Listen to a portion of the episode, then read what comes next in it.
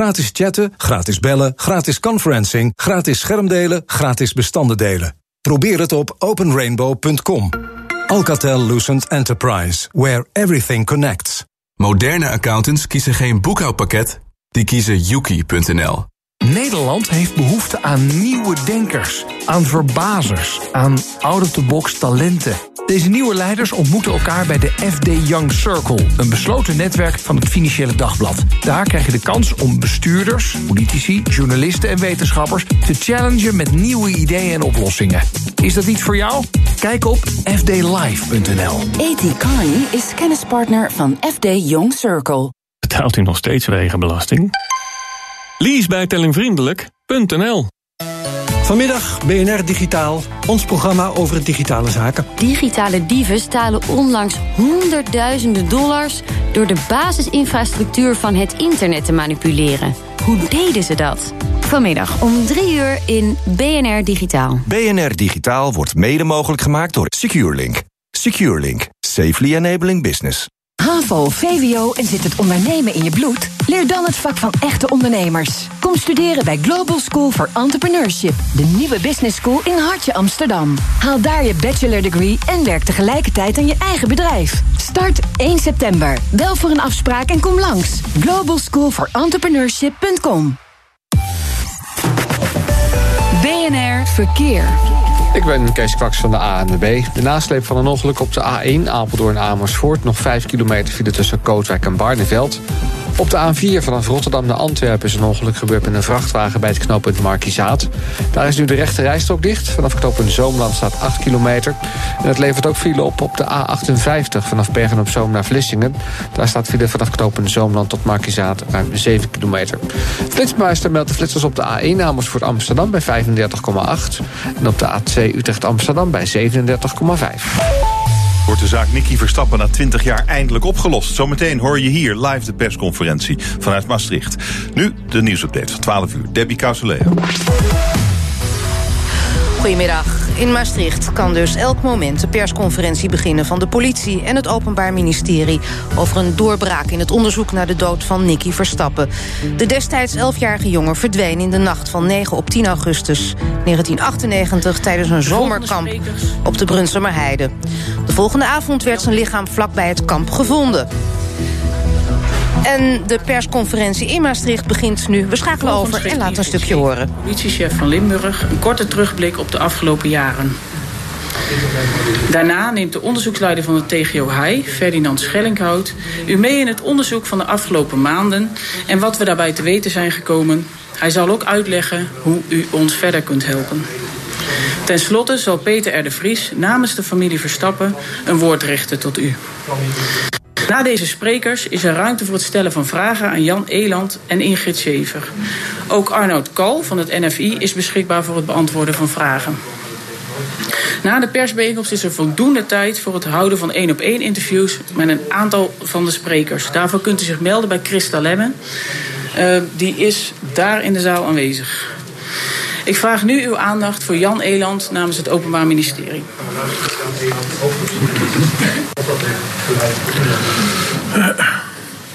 Dames en heren, van harte welkom in Limburg. In het onderzoek naar de tragische dood van Nicky Verstappen is sprake van een doorbraak. Na 20 jaar onderzoek is op 8 juni jongstleden het verlossende telefoontje gekomen van het NFI. Er is een één op één match tussen de verdachte sporen op de kleding, kleding van Nicky Verstappen en het DNA van een 55-jarige man. Deze man woonde in 1998 in Simpelveld. En voor, zover wij weten, heeft hij geen enkele connectie met Nicky Verstappen of met het plaatsje Heibloem. De man is vanaf het moment van de DNA-hit bekend werd officieel aangemerkt als verdachte van betrokkenheid bij de dood van Nicky Verstappen. We weten wie hij is, maar we weten niet waar hij momenteel verblijft. We hebben u al eerder verteld dat we op zoek zijn naar de donor van sporen op de kleding van Nicky. Het kan niet anders dan dat de donor van die sporen ons kan vertellen wat er in de laatste uren van het leven van Nicky zich heeft afgespeeld. De 55-jarige man die we verdenken van betrokkenheid bij de dood van Nicky is in beeld gekomen omdat hij een van de mannen was die geen gehoor heeft gegeven aan meerdere oproepen om in het autosomale traject, het één op één traject, vrijwillig DNA af te staan. Hij is in oktober 2017 naar het buitenland vertrokken. En er is met hem tot februari 2018 nog contact geweest uit de omgeving van de man. Maar vanaf april 2018 ontbreekt ieder spoor van hem en is hij door zijn familie als vermist opgegeven. Nadat door de familie aangifte van vermissing was gedaan, is een ander politieteam in een andere politieeenheid gestart met het onderzoek naar die vermissing.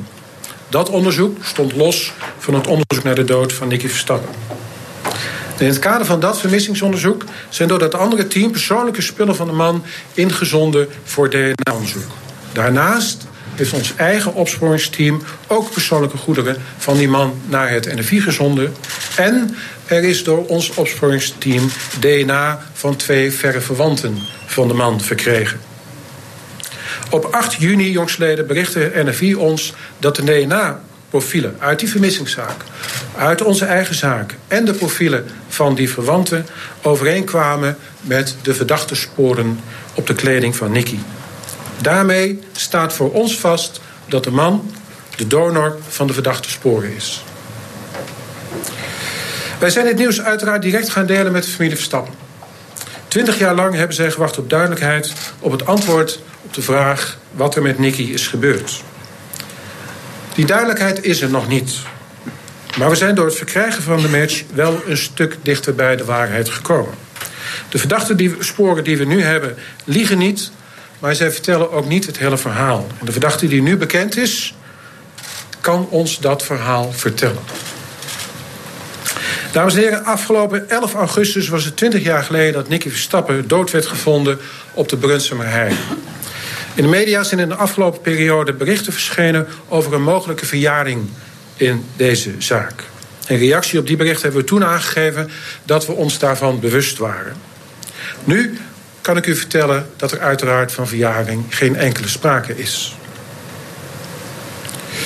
Wat ik u net kort verteld heb, is weliswaar een doorbraak in het onderzoek en tegelijkertijd het begin van de volgende fase in het onderzoek. We zijn nu bezig met een heel gericht strafrechtelijk onderzoek en vooral een speurtocht naar de verdachte. We gaan ervan uit dat de man nog in leven is en alle onderzoekshandelingen zijn er nu opgericht om de man te vinden en aan te houden. Dat is uh, Jan Eland, hoofdofficier van Justitie in uh, Limburg... over de doorbraak in de zaak Nippy, Nicky Verstappen. Er is dus een verdachte man van 55. Er is een match tussen zijn DNA en het DNA dat op Nicky Verstappen is gevonden 20 jaar geleden. De man zit in het buitenland, Justitie weet niet waar die is. Verslaggever Hugo Rijsma is bij deze persconferentie. Hugo, dit is wel inderdaad een doorbraak, hè? Dit is uh, de doorbraak uh, naar het lijkt, Roelof. Uh, na, na al die twintig jaar van onzekerheid van de familie van Nicky Verstappen. Ook voor dat dorp waar hij vandaan kwam is dit een, een vreselijke zaak geweest. Waarin een heleboel mensen naar elkaar zijn gaan kijken. Ontzettend veel onduidelijkheid in die zaak. Wat er nou precies met dat, met dat jongetje is gebeurd. ook de doodsoorzaak bijvoorbeeld nooit helemaal opgehelderd. Dus ontzettend veel vragen. Vragen die er eigenlijk nog steeds zijn, zei de hoofd hoofdofficier uh, hier juist. Maar ze hebben wel degene in het vizier die straks die antwoorden daarop uh, moet kunnen gaan geven. Goed, inmiddels loopt die persconferentie door. Er zullen nog veel meer mensen informatie verschaffen. Jij gaat daar nu naar luisteren. En als er nieuws is, dan horen we het graag uh, van jou, Hugo Rijsma in Maastricht. Dank je zeer. BNR Nieuwsradio. Hemmen. Hemmen. Je luistert naar je dagelijkse diepdive in het nieuws. Wielrenner Dion Beukenbom gaat vanavond voor het werelduurrecord in Mexico. Het record staat nu op naam van de Britse wielrenner Bradley Wiggins. En mijn gast is inspanningsfysioloog Adrie van Diemen. Hij werkte met de huidige recordhouder Bradley Wiggins. Hoe groot is nu de kans dat Beukenboom dat record aan gaat rijden? Uh, dag meneer van Diemen, mooi dat u er bent. Laten we, eerst, laten we eerst even kijken. Het gebeurt vanavond om 8 uur Nederlandse tijd in Mexico. Wat gebeurt er dan precies? Hoe gaat zo'n zo'n aanval op het werelduurrecord in zijn werk? Um, uh, je staat stil, vast. Startschot valt. En dan is het eigenlijk heel eenvoudig. Een uur lang rijden en kijken hoe ver je komt. En uh, nou, uh, in het geval van Bradley Wiggins was dat uh, 54 kilometer, 500. Nee, hoeveel was het? U weet het precies, hè? Nou, 54, 526. Ja, 54, 526. Dat is een krankzinnige afstand in een uur. Um, hij moet ietsje verder fietsen. 1 meter. 1 meter. En dan is hij de wereldrecordhouder. Wat is er moeilijk, moeilijk, wat is er extreem moeilijk aan zo'n poging? Hoe fiets je een meter harder? Nou, het, het, het is een balans tussen de vermogen wat je weet te produceren en de luchtweerstand die je hebt door de snelheid. En uh, de luchtweerstand die kan je verlagen door omhoog te gaan, waar dus een ijlere lucht is. Dan ga je er sneller doorheen. Uh, een betere aerodynamische houding te hebben. En betere materialen te hebben, zodat je minder wrijving hebt met de baan. En minder wrijving hebt in de fiets zelf. Oh. En je moet uiteraard verschrikkelijk veel vermogen produceren om die snelheid te kunnen ontwikkelen. En dus het is altijd een samenspel van Ja, ja. het vermogen wat je kan leveren en de weerstand die je ondervindt. Oké, er is niet één uh, belangrijkste factor. Nee, het is Nee, een nee. samenspel van die twee. Ah. Het enige is dat als je harder rijdt, het duurt net zo lang. Het duurt net zo lang. Ja. Uh, hoe, hoe is het eigenlijk voor de atleet om dit te doen? Hoe zwaar is dat, zo'n uurrecord? Uh, nou, je rijdt op het uiterste kunnen. Um, en dan moet je dat een uur lang doen. En uh, een uur, dat lijkt redelijk snel voorbij als je een beetje koffie drinkt en, uh, en een praatje maakt in de studio. Ja. Maar als je aan het fietsen bent op het, op het absolute topvermogen van wat je, wat je kan leveren. Ja, dan is het verschrikkelijk lang. En je moet ook allerlei trucken uithalen om je gedachten te verzetten. En bijvoorbeeld uh, tien ronden denken aan. Uh, is mijn houding goed? Een aantal ronden concentreren op of, de, of je precies op de goede ideale lijn op de baan rijdt. Want met 54 km per uur bochten nemen. En dan moet je ook zorgen dat je die bochten zo neemt dat je geen extra meters maakt. Dus dat je zo dicht mogelijk op de ideale lijn blijft rijden. Um, dus het is vooral ook een mentaal spelletje eigenlijk. Uh, het, het, is niks. Uh, ja. Niks is het belangrijkste. Al de factoren zijn Ja, belangrijk. ja. Je, moet, je kan alles in orde hebben, maar als je een lekke band krijgt. En dat kan ook. Dan, dan ben je nog te pineut. Of materiaalpech. Of het gewicht van de fiets is van belang. Is niet van een heel groot belang, maar het is wel van belang. dus ja, je wordt ook gezocht naar een lichte fiets. Maar hoe lichter je de fiets maakt, hoe kwetsbaarder die ook wordt. Dus ja, alles wordt gedaan om de snelheid te maximaliseren bij het vermogen wat die atleet kan leveren. Hm. En daar zoek je grenzen op. En dan, ja, als je grenzen opzoekt, dan kan het verkeerd gaan. U was betrokken bij het, bij het huidige record van Bradley Wiggins. Nou, dat is niet waar. Ik heb Bradley Wiggins Ja. in het uh, verleden getraind toen hij bij Garmin fietste.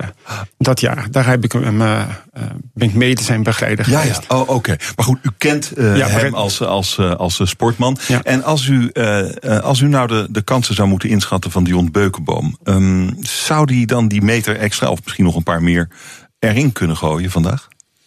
Nou, Bradley Wiggins was toen hij uh, aan het einde van zijn carrière het uh, werelduurrecord greep. Toen was hij al een hele gevestigde uh, en gelauwerde atleet.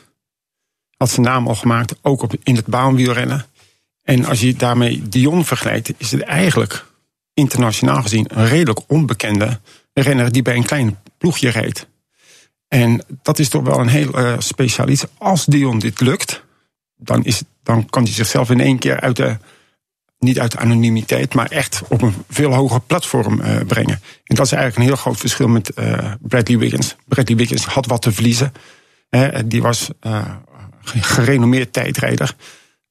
Als je dan een record aanvalt, moet je eigenlijk meer zekerheid hebben dat je het ook haalt. Dus dat je niet faalt en eer verliest. En met Dion, ja, als hij het niet haalt, dan is het jammer. En als hij het wel haalt, ja, dan is het echt fantastisch. Dus Dion heeft Ja. veel meer te winnen eigenlijk in zijn carrière in deze fase. Ja, maar maakt dat het dan makkelijker of moeilijker Nee. dan, dan voor Bradley Wiggins? Nou, bij Bradley ligt Ja. meer de druk erop dat, ja, hij kan dan, eh, als hij het niet haalt, dan is het, is het meer falen. En bij, bij Dion, als het niet lukt, ja, dan is het helaas een goede poging gehad, net niet gehaald. Uh, maar zou u niet denken dat uh, Dion dan misschien meer in staat is om extra risico te nemen? Nou, Hoe doe je dat eigenlijk, extra risico nemen? Nou, kijk, uh, hij zit uh, op een fiets. Je moet een aerodynamische houding hebben. Uh, je moet die aerodynamische houding gedurende die hele tijd zo goed mogelijk zien te handhaven. Je kan wel iets uitzoeken in een windtunnel. Uh, hm. Bijvoorbeeld een fiets testen alleen. En dan zeg je, nou oké, okay, deze fiets is meer aerodynamisch dan die andere, dus we nemen deze fiets. ga je de, met de renner testen in een houding, dan gaat zijn hoofd een beetje meer naar beneden, zijn armen een beetje meer naar buiten of naar binnen, of zijn knieën een beetje meer naar binnen. En dan zie je wel verschillen in de aerodynamica. Hoe lager uh, de, de weerstand is, hoe beter het is. Maar je moet die positie wel vol kunnen houden gedurende een uur. En je kan wel een hele aerodynamische houding hebben. Maar als je dan vervolgens het, het maximale vermogen niet meer kunt leveren, oh ja. dan kan het ook zijn dat je toch nog uh, uiteindelijk als netto resultaat uh, niet vooruit bent gegaan. Wat, wat is dan de ideale houding? Ja, armen bij elkaar denken, de ideale, niet te breed. ja, de ideale houding is he, dat je zo'n laag mogelijke coëfficiënt van weerstand hebt. Maar in die houding moet je wel het vermogen ook nog weten te leveren. En dus wat wij deden met uh, aerodynamica testen, is dat ze, we, we zorgden in ieder geval dat de testen plaatsvonden tijdens het, de trappen. Dus ze hadden geen stilstaande positie in de windtunnel. Dus we deden windtunneltesten waarbij je. Op, op het maximale vermogen? Nee, nee, op platform. Oh, oh. Ja, nou wel redelijk goed vermogen. Want als je stil zit, dan heb je een andere houding dan als je een groot vermogen levert. Uh, maar als je uh, de verhouding verandert, meer aerodynamisch wordt, kan het wel eens betekenen dat je meer verzuurt. Dus wij deden ook tijdens die aerodynamica testen, moesten ze een, een, behoorlijk vermogen leveren, een groot vermogen leveren. Zoals ze gaan leveren tijdens dat uur, deden we een blok van vijf minuten. En dan deden we ook lactaatmetingen om te kijken uh, of er meer melkzuurvorming was of niet. Ja, ja, ja. ja, ja. Dus het is ja. niet alleen ja. materiaal, aerodynamica, maar je moet ook het vermogen weten te leveren. Dus er zijn heel veel factoren die je tegen elkaar moet afwegen. En daar ergens een optimaal punt moet zien te vinden. Ah, en uh, als u dan naar de fysiek van uh, Dion Beukenboom kijkt. Uh, is wel een grote kerel, hè? Mm -hmm. is, dat, is dat niet een nadeel dan? Als hij maar smalle schouders heeft. dat weet ik niet precies. Heeft hij smalle schouders? Wat zijn, ja, hoe... Hij zit wel mooi op zijn fiets. Niet absoluut optimaal. Maar hij zit wel heel mooi op zijn fiets. Oké. Okay. Denkt u dat hij het gaat halen? Er is eigenlijk geen, niets over te zeggen. Maar kijk, je kan hier op, op C-niveau uh, goed uh, presteren. Als je naar hoogte gaat, moet je je aanpassen aan hoogte. Hoe hoog zitten ze in Mexico? Ik weet het, 1500 meter. Oh ja. Uh, of, of, nog daarboven. Je moet je in ieder geval aanpassen. Mm -hmm. Het lichaam moet aanpassen aan de hoogte.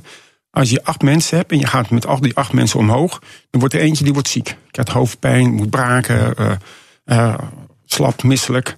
Daar heb je niks aan. Een van de andere acht, uh, die gaat omhoog en die past zich niet aan aan die hoogte. Die is, dus die blijft maar een verhoogde ademhaling hebben. Mm. En die blijft zich uh, ongemakkelijk voelen. Die wordt niet ziek, maar ongemakkelijk. Mm -hmm. En die andere zes, die passen zich wel aan aan hoogte. En daar heb je ongeveer 14 dagen tot drie weken voor nodig om volledig aangepast te zijn. Maar die aanpassing vindt in min of meerdere mate plaats. Hoe goed hij zich aanpast aan die hoogte, dat weet ik ook niet. En dat kan best het verschil zijn of hij het wel of niet haalt. Het is een uh, fascinerende sport, dit werelduurrecord aanvallen. Ik ben heel benieuwd wat hij uh, gaat doen. Vanavond om 8 uur onze tijd gaat het gebeuren. Dank u wel voor, voor dit gesprek. Adrie van Diemen, inspanningsfysioloog. Dank u wel. Schilderijen restaureren gebeurt doorgaans achter gesloten deuren. Bij het Mauritshuis in Den Haag pakken ze dat helemaal anders aan. Dat zometeen. BNR Nieuwsradio. Hemmen. Van goed naar beter. Er gaat heel veel goed in ons land, maar laten we vooral ambitieus blijven. Het kan natuurlijk altijd beter. Vandaag in Van Goed naar Beter de restauratie van kunst. Want door het restaureren van schilderijen openbaar te maken kan het publiek een hele hoop leren. Bij mij is Carol Potage. Zij is hoofdrestaurateur van het Mauritshuis in Den Haag. Welkom mevrouw Potage, mooi dat u er bent. Dank je wel. Um, wat, wat ik me afvroeg, wat gebeurt er eigenlijk precies met schilderijen waardoor ze zo'n restauratiebeurt nodig hebben? Nou ja, uh, schilderijen die verouderen, een beetje net als mensen. Um, en daardoor uh, kan het zijn dat, uh, ja, ze zijn, het is gewoon materiaal. Dus uh, bijvoorbeeld de, het doek of het paneel waarop het geschilderd is, dat beweegt met het klimaat. Als het vochtig wordt, droog wordt, dan beweegt het. Het zet uit of het krimpt. en ja, een schilderij is een pakket van materialen die allemaal anders reageren. Dus bij het bewegen van, van de drager, dan gaat alles uiteindelijk een klein beetje loszitten. Dus uiteindelijk gaat het restaureren over het, het behouden, het conserveren wat je hebt. Door uh, ja, te, te restaureren van uh, loszittende delen, zeg maar. Of vast, vastmaken weer. Vastmaken van, ja. van verf bijvoorbeeld. Maar het is ook een pakket van materialen die verouderd. Uh, en bijvoorbeeld de vernislaag die er bovenop zit op oude schilderijen, die verkleurt. En uh, uiteindelijk wordt die helemaal bruin, waardoor je het schilderij niet meer zou kunnen zien. Dus restaureren is een heel groot aantal verschillende dingen. Uh, verwijderen van vernis, dat soort dingen. En um, hoe, hoe, hoe doet u dat praktisch? Het is allemaal handwerk natuurlijk. Het is je, allemaal... je gaat er niet een slijptol op zetten. Nee, het is allemaal nee. handwerk. Het is, uh, het is best een, een um, ja, gevaarlijke uh, handeling, al met al. Want je kunt makkelijk iets, iets fout doen. Het is ook echt werken op de vierkante millimeter. Uh, het, het zijn kleine barstjes. Je ziet van een afstand de kleine barstjes in een schilderij nauwelijks zitten. En die kunnen wel soms loszitten. Dus dan moet je die weer vast gaan zetten. Of uh, je moet een vernis verwijderen van een uh, olieverflaag. En ja, dat moet je ook heel voorzichtig doen. Ja, want u werkt natuurlijk soms aan doeken die een onschatbare waarde hebben. Dat klopt. Ik, wordt u daar niet nerveus van? Um, een klein beetje wel, maar vooral als ik er niet aan werk.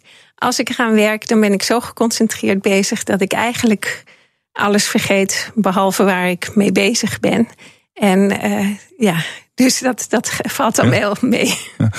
Maar, maar um, uh, het wordt dus straks uh, in het Mauritshuis, wordt uw werk openbaar. Staan er opeens mensen om u heen? Dat klopt, ja. Terwijl u heel voorzichtig aan een heel duur schilderij bezig bent, helemaal gefocust. En dan vraagt iemand opeens, wat doet u daar? nou, gelukkig, sorry. gelukkig is het niet uh, op die manier. We hebben vaste werktijden en dan vaste uh, momenten dat uh, mensen vragen kunnen stellen. Dus we werken twee uur en daarna kunnen mensen vragen stellen. Dat zijn heel goed bezochte vragen, half uurtjes. Um, Waarbij mensen de meest uiteenlopende vragen stellen. Maar ik vind het ontzettend leuk om te doen. Want de reden waarom we deze restauratie voor het publiek houden, is onder andere om ze te leren over, over wat een schilderij nou is. Waar kijken ze naar? Uh, waarom is het zo belangrijk dat een museum een goed klimaat heeft? Uh, hoe houden we die, die prachtige kunstwerken ook in goede conditie? Um, en ik vind dat ontzettend leuk om te doen. Wat is de meest gestelde vraag?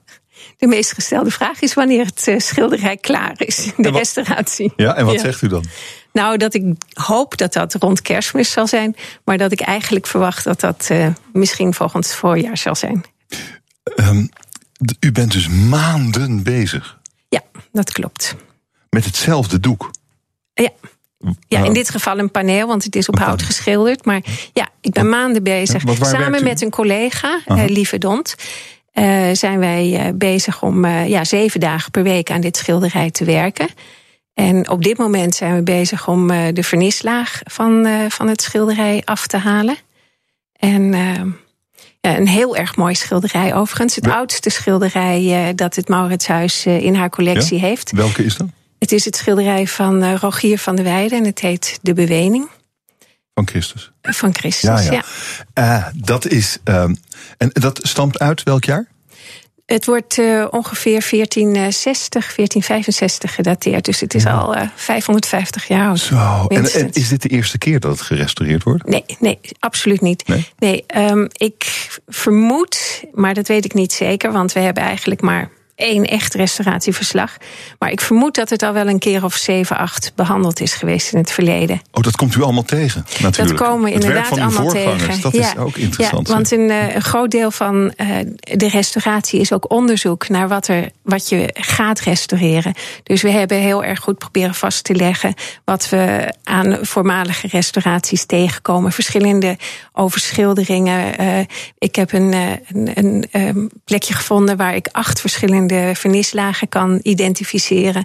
Dus dat betekent dat, dat in ieder geval, dat is helemaal aan de rand waar mensen een beetje slordig zijn geweest in het verleden. Overigens wil ik helemaal niet slechts over mijn voorgangers zeggen, want die zijn fantastisch geweest. Het schilderij is in fantastisch goede staat. Hmm.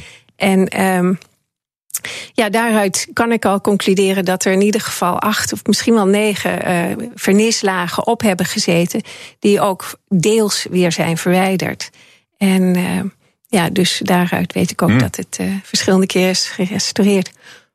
We hadden het over de risico's. U werkt een hele dure schilderij. Uh, maar dat u iets kapot maakt zou natuurlijk verschrikkelijk zijn. Is het u wel zo overkomen? Nee, gelukkig nog niet. Oeh, beetje, nee. oeh, beetje uitgeschoten. Nee. Nee, nee. Uh, maar het risico bestaat misschien ook wel dat u ongewild natuurlijk iets verandert aan het schilderij. Zou, is dat een risico van uw vak? Dat is een risico van het vak, inderdaad. En daarom zijn we voortdurend met een uh, hoofdloop bezig die behoorlijk vergroot. Of als je een klein beetje onzeker wordt, dan pak je al gauw de microscoop erbij. En we doen een heleboel vooronderzoek, zoals ik al zei. Mm -hmm. Niet alleen naar de geschiedenis, maar ook naar de materialen en de materialen die wij gaan gebruiken. En, en eigenlijk weten we vrijwel zeker dat er niets kan gebeuren. Maar om alle risico's uit te sluiten, zijn we echt op de vierkante millimeter bezig. Um, en dat maandenlang wordt u zo'n schilderij niet zat na een tijdje? Nee, nee helemaal niet. Nee? Het is een, een hele, ja, ik zou bijna zeggen, intieme relatie die je met, met zo'n schilderij krijgt. En met alle penseelstreken en de opbouw van verflagen. Ja. En, en ik vind het fascinerend. Ik vind het fascinerend hoe Rogier van der Weijden uh, geschilderd heeft. Alle details die er in het schilderij te vinden zijn. De kleuren die hij heeft weten te, te krijgen. Ik, uh, ik, heb er een enorme bewondering voor. En ook ontzettend veel plezier tijdens ja. werk. Ja. Er is niemand die dat schilderij zo goed kent als u en uw collega. Dat klopt, dat ja. ja. En, uh, waarom wilde u restaurateur van schilderijen worden? Nou, eigenlijk vanwege de fascinatie van, uh, van hoe andere mensen hebben geschilderd. Hoe andere mensen proberen. Um, in, in, in, in het geval van oude schilderijen emoties weer te geven.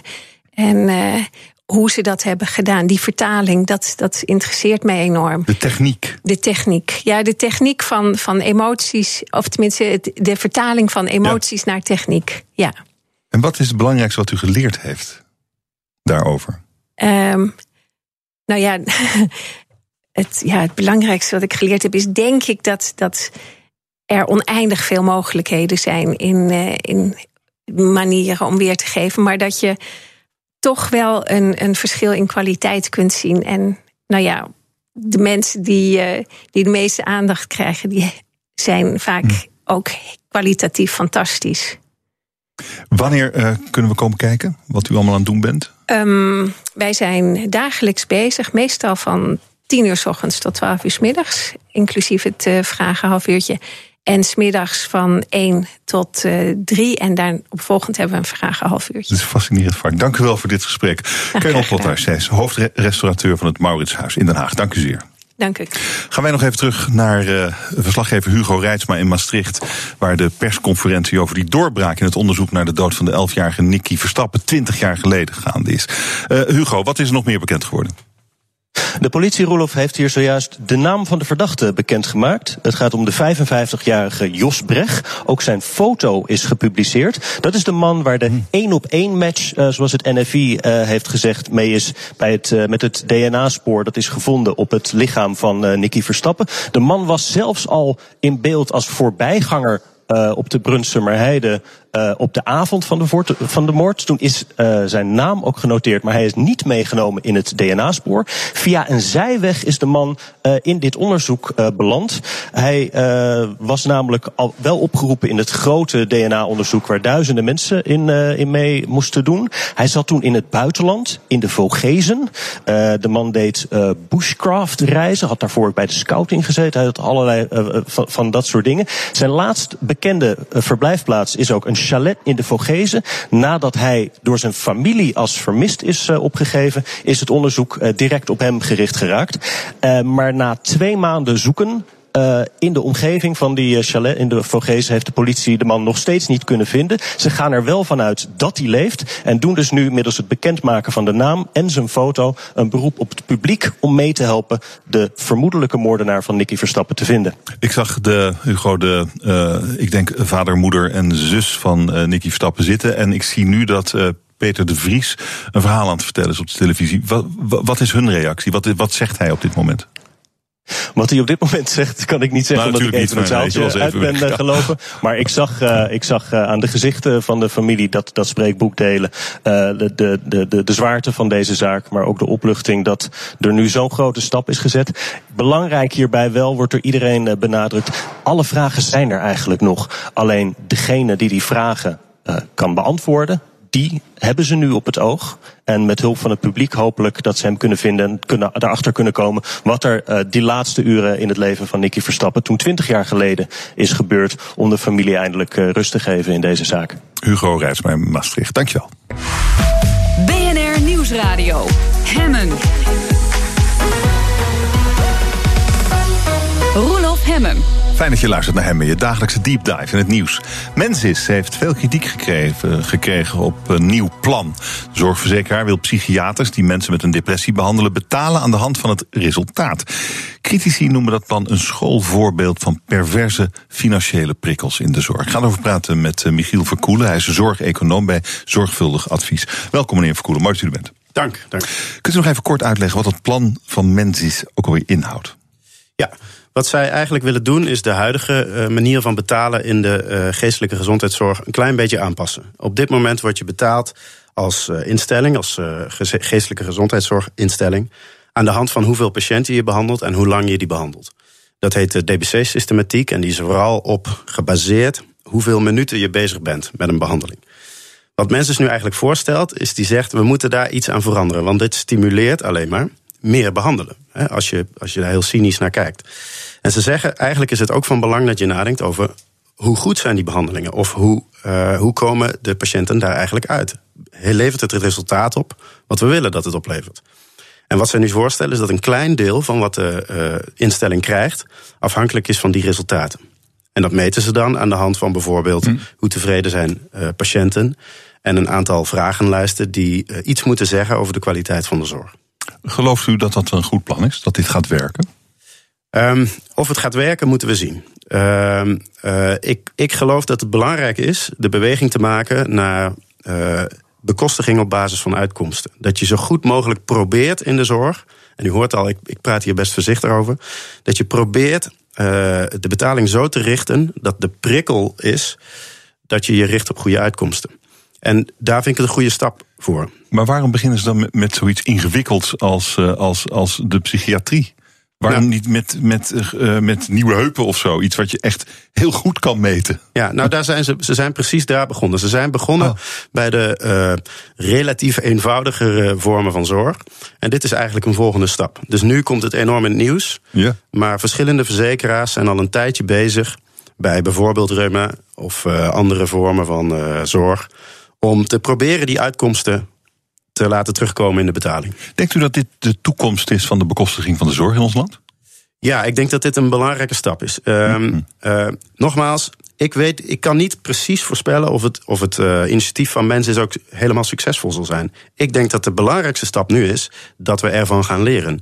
Dat die uh, geestelijke gezondheidszorginstellingen, de psychiaters die daar werken, van elkaar leren. Wat werkt nou wel, wat werkt nou niet. Dat mensen en andere verzekeraars leren van welke. Wat moeten we nou eigenlijk vragen over die kwaliteit? Misschien is het goed als ik daar iets, even mm-hmm. iets over schets, over hoe complex het is. Um, dat geldt voor iemand met een depressie, maar dat geldt ook voor iemand die, die, die kanker heeft. Als je kijkt naar een half jaar of een jaar of vijf jaar nadat iemand de behandeling heeft gehad, of het gewerkt heeft, dan is het nog steeds heel moeilijk om te zeggen dat dat door die behandeling komt. De ene patiënt is uh, uh, gedisciplineerder in het nemen van medicijnen dan de ander. De ene woont op een gezondere plek dan de ander. En gezond kan zijn gezonde lucht, maar ook een gezonde familiesituatie. Een stimulerende sociale omgeving of niet. Dus het is uh, razend complex om iets over die zorg te zeggen. Maar dat we die kant op moeten, dat is wel duidelijk. En wat zou het, uh, wat zou het gaan besparen? Um, nou, dit initiatief van Mensis is ervoor bedoeld om bij de uh, eenvoudige vormen van GGZ, want het gaat om uh, niet-chronische depressie, om, om wat te besparen. Omdat daar heel veel groei is geweest de afgelopen jaren. En die besparing blijft dan deels in handen van de. Uh, dat mogen de zorginstellingen houden die goede uitkomsten behalen. Um, ik denk dat de, de beweging naar uitkomstbekostiging niet puur bedoeld is om te besparen. Het is vooral bedoeld om betere kwaliteit te gaan leveren. Maar hoeveel zou het dan als bijproduct aan besparing opleveren? Ja, dat, dat vind ik moeilijk te, te zeggen. Uh, de zorg is de afgelopen jaren vooral gegroeid. Ja. Uh, op sommige gebieden zie je wel dat, het ook, uh, dat, er, veel, dat er veel efficiëntie is gewonnen. maar we gebruiken meer zorg. we vinden steeds meer nieuwe behandelingen uit. Die willen we dan ook graag toedienen aan mensen die een aandoening hebben. Dus dat vind ik moeilijk te voorspellen. Ja, maar um, ik, ik snap best dat die zorg steeds beter moet worden ook. Maar het is ook al jarenlang zo dat elke minister van Volksgezondheid de opdracht kreeg: breng dat zorgbudget naar beneden. En het lukt niemand. Nou, de laatste jaren gaat het wat beter. Uh, dat komt ook omdat de, de economie. stijging wordt minder. Ja, en dat komt vooral omdat de economie heel hard groeit. Uh, en dan is de stijging van de zorg. Oh, ja. ja. valt er dan wat, wat positief bij af. Maar dat klopt. Kijk, we worden ouder en die technologie, wat ik al zei, hè, technologie kun je, zien als een nieuw MRI-apparaat, nieuw geneesmiddel, uh, maar ook nieuwe behandelingen die we voorheen niet hadden. Uh, ja, dat drijft de kosten nou eenmaal op. Het is ook aan zich niet zo'n ramp. Heel veel landen die rijker worden, die verder zijn in hun ontwikkeling, geven langzamerhand meer uit aan zorg. Um, dat is een gegeven. Maar het, gaat, het ging wel zo hard de afgelopen jaren dat dat echt ten koste gaat van andere zaken. Onderwijs, veiligheid, uh, uh, voedselveiligheid, ik noem maar wat. Daar uh, in de zorg is de stijging erg groot geweest. En daarom is dat de opdracht voor veel ministers. Ja, en dus ook om, om te kijken naar het resultaat van een behandeling. Dat zou natuurlijk ook ertoe kunnen leiden dat als het niet voor iedereen succesvol is, dat, dat de vergoeding dan achteruit gaat of zelfs weggaat. Dat zou uh, mensen die er wel baat bij hebben, ook al zijn dat er maar weinig, kunnen duperen. Bent u daar niet bang voor? Um, dat zou allemaal kunnen. Ik ben er niet bang voor, omdat de mensen die hiermee bezig zijn uh, niet gek zijn. Laat ik het zo maar zeggen. Want de aannames die u doet, die zijn waar. Hè? Dus als je volledig op uitkomsten bekostigt en je kijkt totaal niet naar de situatie van een patiënt, dan zou dat heel pervers uit kunnen pakken. Maar dat is niet het geval. He, Mensis betaalt volgens dit plan wat ze nu doen, zullen die GGZ-instellingen, nou, ik schat ongeveer 90 tot 95 procent van hun bekostiging blijft hetzelfde. Een klein deel wordt gebaseerd op de uitkomsten. Dat ten eerste. Ten tweede, we moeten natuurlijk wel heel goed kijken wat zijn we nu aan het meten. En ik zei al, Mensis doet een stap om te kijken naar patiënttevredenheid, mm -hmm. naar, naar uitkomsten.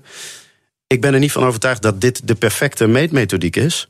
Maar ik denk wel dat dit in zich al uh, een prikkel is om betere meetmethoden te gaan uh, ja. uh, bedenken. En, en daarmee zou de zorg beter worden en goedkoper.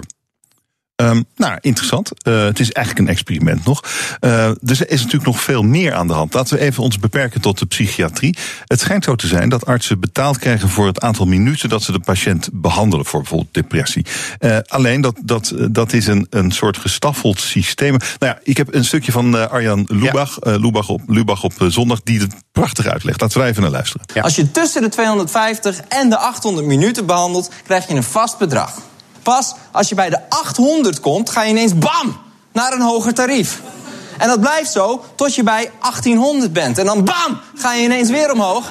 En dan bij de 3000 ga je bam, weer omhoog in geld. Dus de vergoeding gaat niet geleidelijk, maar gaat in sprongen. En dat is hoe het wettelijk geregeld is. En vervolgens uh, laat hij dan zo'n uh, grafiekje zien. Ja. Waarbij je ziet dat steeds voor de volgende sprong uh, gebeurt er iets. Dan gaat het toch nog net even door, zodat de behandelaar toch nog even voor dat hogere tarief kan. Ja. Dat, dat vond ik ontluisterend. Ja. Wat zegt u dat over deze beroepsgroep? Nou, ten eerste, uh, ik ga even nuanceren als u het goed vindt. ten eerste geldt dit voor psychiaters die vrij gevestigd zijn. Je zag ja. ook dat de psychiaters die in loondienst werken, die dus niet die financiële ja. prikkel hebben, daar is die lijn veel geleidelijker. Maakt het nog erger? Ja, nee, dat klopt. De, wat het mij zegt, is dat uh, mensen, en dus ook mensen in de zorg, ook door financiële, door financiële prikkels gedreven worden. Het zijn ondernemers. Niet alleen, overigens. He, dat, daar hecht ik wel aan. Uh, mensen uh, zijn arts geworden, niet omdat zij geld wilden verdienen of rijk wilden worden. Um, u bent waarschijnlijk ook geen presentator geworden, puur en alleen vanwege het inkomen. Mm -hmm. Misschien zou u voor een euro meer bij een andere radiozender ook niet meteen weggaan. Er zijn heel veel motivaties die mensen um, drijven tot wat ze doen. Maar, maar bestrijdt u die grafiek? Nee, nee die bestrijd nee. ik niet. Maar dan zie je toch Zeker. hoe pervers het is. Ja, zeker. En dat, En zijn huidige... mensen die dat doen. Ja. Ja, dus dat is de huidige systematiek. En wat Mensis nu probeert, is die systematiek wat aan te passen. Eh, Maar eh, eh, zou, Prima men, dus. zou mensen eens niet onmiddellijk de contracten met die psychiaters die vrij gevestigd zijn en die werken volgens die grafiek van Lubach, niet gewoon contracten moeten opzeggen? Dat zijn toch. Fraudeurs mag je misschien niet zeggen, maar het zit er wel dicht tegenaan. Ehm, dat is allemaal makkelijker gezegd dan gedaan. Eh, ten eerste, ehm, het is niet zo dat we een, een enorme hoeveelheid aan artsen en zorginstellingen hebben. En dat als er één op deze manier dit gedrag laat zien, dat je dan maar meteen zegt: met u sluiten we geen contract meer, we gaan naar de ander.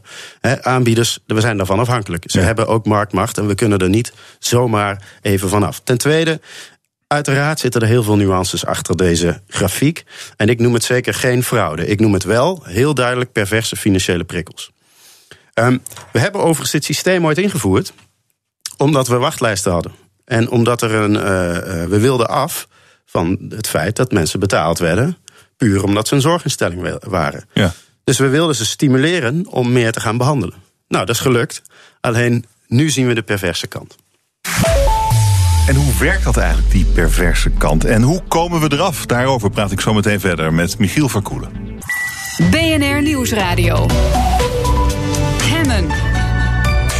Prikkelen, dat is wat Mensis probeert te doen met het nieuwe depressieplan. Maar critici zeggen dat het om perverse prikkels gaat. En die term perverse financiële prikkels, dat horen we vaker als het over de zorg gaat. Bij mij is eh, Michiel Verkoelen, zorgeconoom bij Zorgvuldig Advies. Had het er net over, ook over die eh, perverse financiële prikkels. Dat is waar de zorg echt wel mee te maken heeft. En waar de zorg misschien ook echt wel duurder eh, van wordt.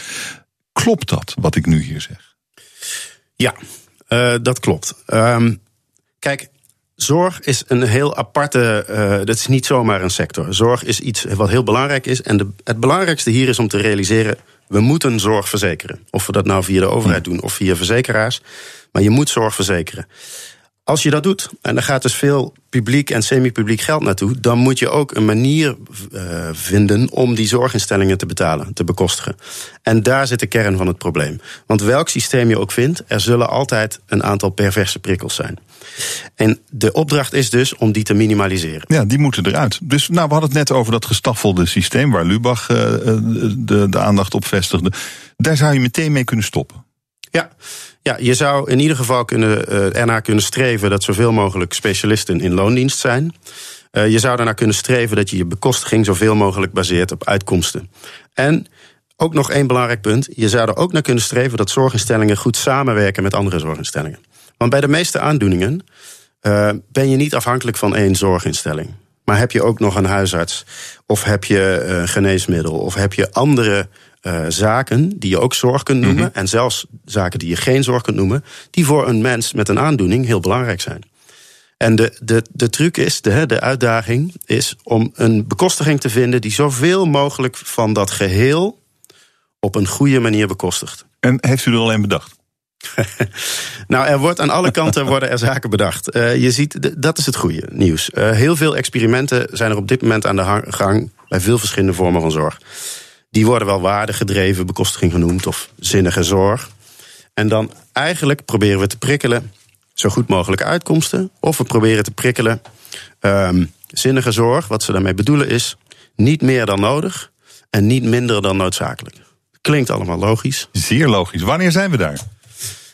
Um, um, kijk, de bekostigingen in Nederland, de zorg in Nederland is van een hoog niveau.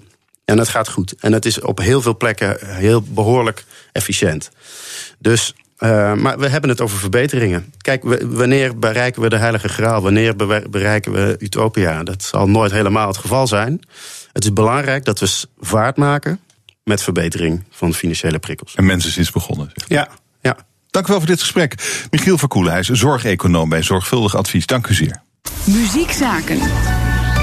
Afgelopen drie jaar stemden we elke twee weken af op de muzikale actualiteiten. Vandaag doen we dat voor de laatste keer. En we zetten nu de spotlight op Mr. Brightside. Muziekkenner, regisseur Martje Schoenmaker. Voor de laatste keer. I know. Het wordt wel leuk, toch? Het dit? wordt heel leuk. Ja. We gaan uit met een bang. Nou, uh, we gaan het dus over Mr. Brightside uh, hebben. En dan ben ik altijd benieuwd of jij het kent.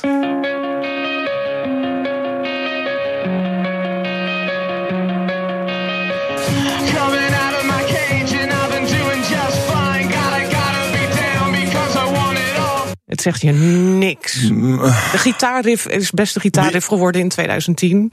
Maar goed, dit zijn de killers. ja. De killers. De Dit was- Maar die ken ik dus wel. Ja, nou, dit was dus hun doorbraakhit. De Killers die komen uit Las Vegas. En dit was een indie pop rock ding... Ja. eh, wat we eigenlijk nog niet echt op deze manier gehoord hadden. Ehm, een, een doorbraakhit. ehm, maar wat is precies een doorbraak? Is dat een one-day fly of is het iets wat voor de eeuwigheid is? Wat is het? Ja, het is inderdaad de, die ene plaat die je dan uitbrengt... waardoor een band opeens letterlijk en figuurlijk op de kaart komt te staan. En dat was deze voor de Killers. Ze kwamen eh, als band ten tonele in 2003. Toen brachten ze Mr. Brightside uit eh, als voorloper op het album. Niemand interesseerde het ook maar iets. Het deed niks. Ja, in Las Vegas een beetje van... oh leuk, we hebben een bandje uit Las Vegas. Maar in 2004 deden ze nog een poging. En toen dacht de hele wereld opeens... oh, de Killers. Wat is dit goed en wat is dit leuk. Eh er kwam dus van het debuutalbum Hot Fuzz. Mr. Brightside was de doorbraakhit. Maar de grootste hit op dat album was dan weer deze. But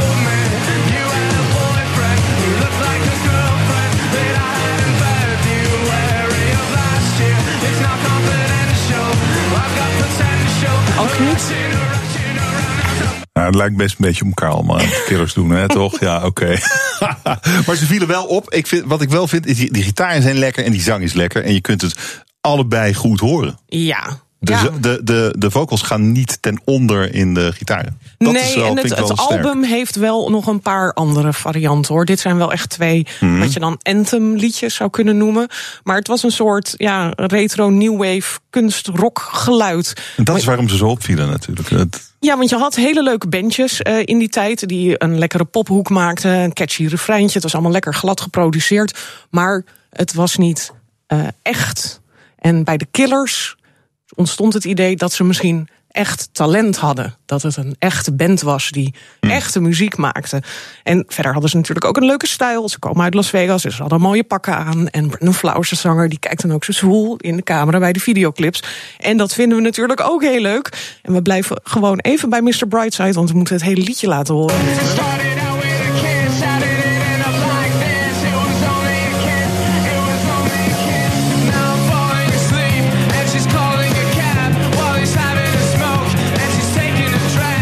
Ja, ik word er vrolijk van. ja, Eh, maar dat was in 2004. We zijn nu 14 jaar verder. Niet zo hard, Roelof.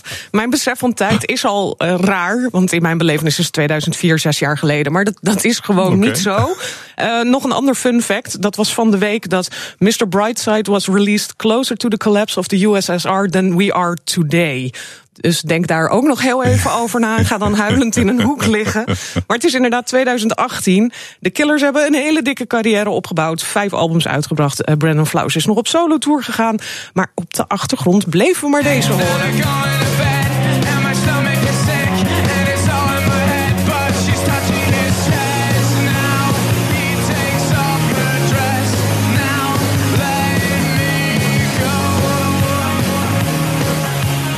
Ja, hij gaat maar door. Eh, hoe dan? Nou ja, en het begin kwam hij uit op nummer 10 in de UK-charts. Aardig. Maar sinds die tijd, dus 2004, binnenkomen op nummer 10... of hoogste positie nummer 10...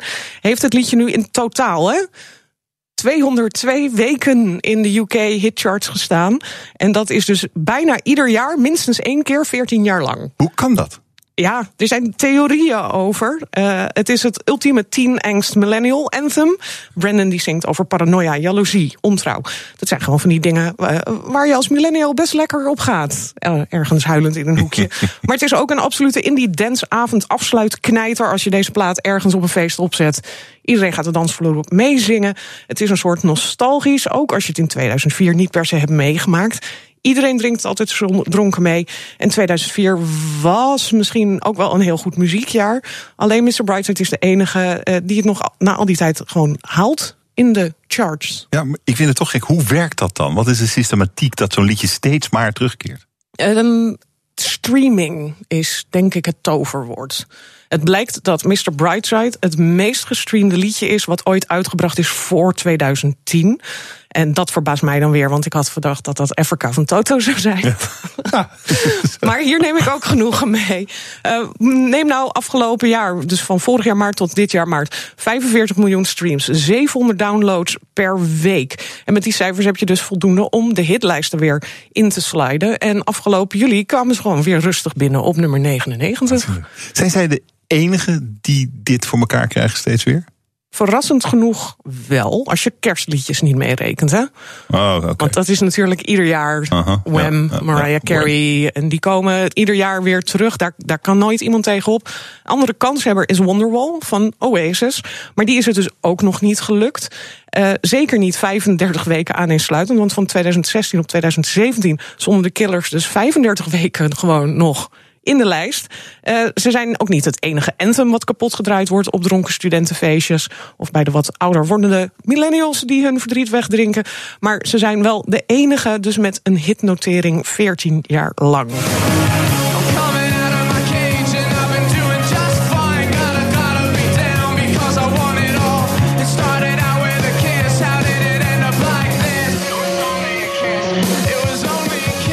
Ja, dit was het dan. Dit was Martje. het, Roelof. Hmm. Ehm, ik eh, laat je natuurlijk niet helemaal los, want ik, vol, ik, volg jou, ik volg jou op Spotify. En dat kan iedereen doen. Mocht je denken, ja, ik wil ja. Martjes, hoe heet het ook weer? Martjes muzikale Martjes, hartjes. Martjes nieuwe, nieuwe muziekhartjes. Dat is wel heel veel nieuwe muziek Aha. die ik iedere week eh, verzamel. Op mijn Twitter spuie ik nog wel eens van dit soort leuke weetjes en YouTube's. Dat kun je ook doen. Kun je me volgen via het SCH. En dan toch een beetje kan ik je blijven voorzien van die nodige muziekkennis. Of een goede dansplaat. Ik heb eh, een paar dingen van je geleerd over muziek. Dank je wel daarvoor. Dank je wel voor al die keren dat je hier was. Martje Schoenmaker. BNR Nieuwsradio. Hemmen. Roelof Hemmen. Fijn dat je luistert naar hem, je dagelijkse deep dive in het nieuws. Je kunt hem kennen van ontwerpen als De Schoen, waar ING in heeft gezeten. Maar over het Centraal Station van Rotterdam. Al ruim 35 jaar runt architect Roberto Meijer zijn eigen architectenbureau. En vandaag is hij bij mij om te praten over de ontwikkeling in zijn vak. En over de ontwerpen die hij maakt met zijn bureau MVSA. Dag meneer Meijer, mooi dat u er bent. Ja, dankjewel Olof. Eh, leuk om hier te mogen zijn. Eh, u bent eh 35 jaar geleden, zei ik, begonnen als architect. Meteen met uw eigen bureau. U was toen eh 23. Dat is eigenlijk piepjong om, denk, denk ik, te beginnen, toch? Met een, met een, met een eigen Nee, bureau. extreem jong. Extreem jong. Be- Bent u, heeft u enig idee wanneer u voor het eerst dacht als kind: ik wil gebouwen bedenken? Ja, dat was niet helemaal duidelijk. Even, als ik terugga in de geschiedenis. Mijn vader was Nederlander, mijn moeder uit Uruguay. We kwamen in Nederland hier. eh, mijn vader wilde graag dat ik hier naar school zou gaan.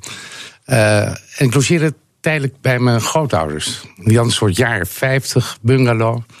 En ik voelde dat daar het een en ander niet aan klopte. Ik kon het niet precies omschrijven. Nou, ik denk dat daar al de eerste aanzetten waren om eh, dit vak te kiezen. Toen was een jaar of zeven. Ja, maar toen heb ik nog omwentelingen gehad. Ik wilde piloot worden. Gelukkig dat ik dat nooit ben geworden. Ik denk dat ik erg slecht piloot zou zijn geweest. Allemaal eh, merkwaardige figuren gaan vliegen. Is dat het? Nee, en uiteindelijk ben ik waanzinnig blij eh, dat ik dit vak heb gevonden. Eh, mijn passie. in de aankondiging zei je al net. voorlopig niet van plan om te stoppen. Het is overigens niet alleen Roberto Meijer, architect, het is MVSA. Ik zie mijn bureau eerder als een soort instituut. Waar jonge mensen eh getalenteerd. Ik word omringd door heel veel getalenteerde mensen. Waar we, ja, die een kans krijgen, die zich kunnen verder ontwikkelen. Eh, het is echt teamwork. Was vandaag juist nieuws dat eh, jonge architecten zo moeilijk aan de slag komen? Ik denk dat de tijden enorm veranderd zijn. Ik denk voor grotere projecten eh, zijn de randvoorwaarden ook extreem veranderd. Je moet ook een bepaalde eh, kennis in huis hebben om aan, bij grotere projecten zeker eh, aan de vraag te kunnen voldoen. Als je in omringende landen kijkt, of in Amerika, heb je hoofdzakelijk kleine bureaus die richten zich meer op de particuliere opdrachten of de restaurants of meer.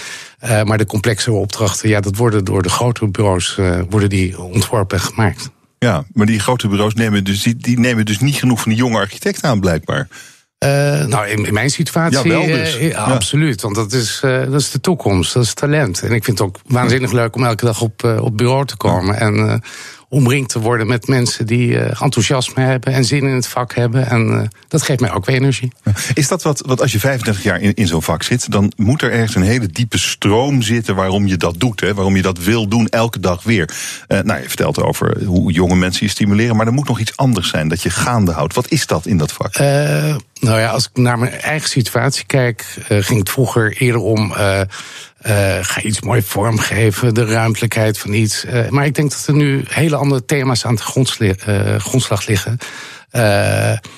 Bijvoorbeeld, we gaan ons nieuwe kantoor nu bouwen. En waar het mij om gaat, is hoe voelen mensen zich in een gebouw? Hoe kunnen ze zich beter presteren? Hoe voelen ze zich thuis? Dat houdt in dat je allerlei voorzieningen gaat treffen om die conditie, of de condities vorm te geven, dat dat ook daadwerkelijk gaat gebeuren. Dat gebouw, dat heet Flow. Ja. En eh, dat de Flow, in de flow komen, daar gaat dat over. Dat zegt al iets over eh, wat voor gebouw het wordt. Zou je meer willen vertellen over hoe dat eruit moet zien, hoe het moet voelen? Ja, kijk, eh, het, het gebouw, punt 1, is eh, BREEAM Excellent. Dus het wordt een heel duurzaam gebouw. Het krijgt een WELL-certificaat. Wat is dat? WELL, dat is zeg maar een nieuwe certificering. We, we hebben het eerste gebouw in Nederland, World Trade Center in Utrecht, gemaakt met het eerste WELL-certificaat in Nederland. En eh WELL zijn zeg maar criteria waar je aan kunt voldoen. eh, om zeg maar die condities te krijgen dat eh well-being, daar staat het dus voor. Dus dat houdt in een topklimaat, de akoestiek, voorzieningen die je kunt treffen. We krijgen een fitness, we krijgen een heel wellnesscenter in het gebouw. We hebben ook nog veel meer toegevoegd overigens, maar het is leuk als je voor jezelf een gebouw mag maken. Eh, een rooftop venue hebben we. Waar komt het Rooftop, een bar.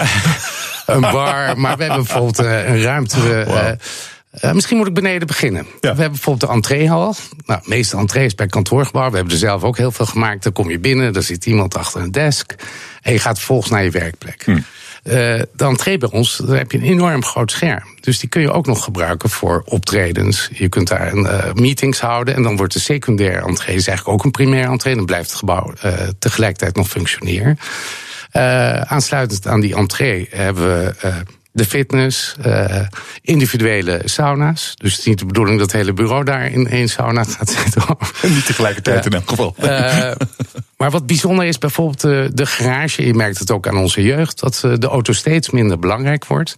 De eh, garage die hebben we als een eventcenter vormgegeven. En weliswaar staan daar overdag auto's, maar in het weekend eh, is dat de expositieruimte. Kunnen eh, jonge kunstenaars kunnen daar exposeren. We kunnen daar van allerlei dingen gaan organiseren.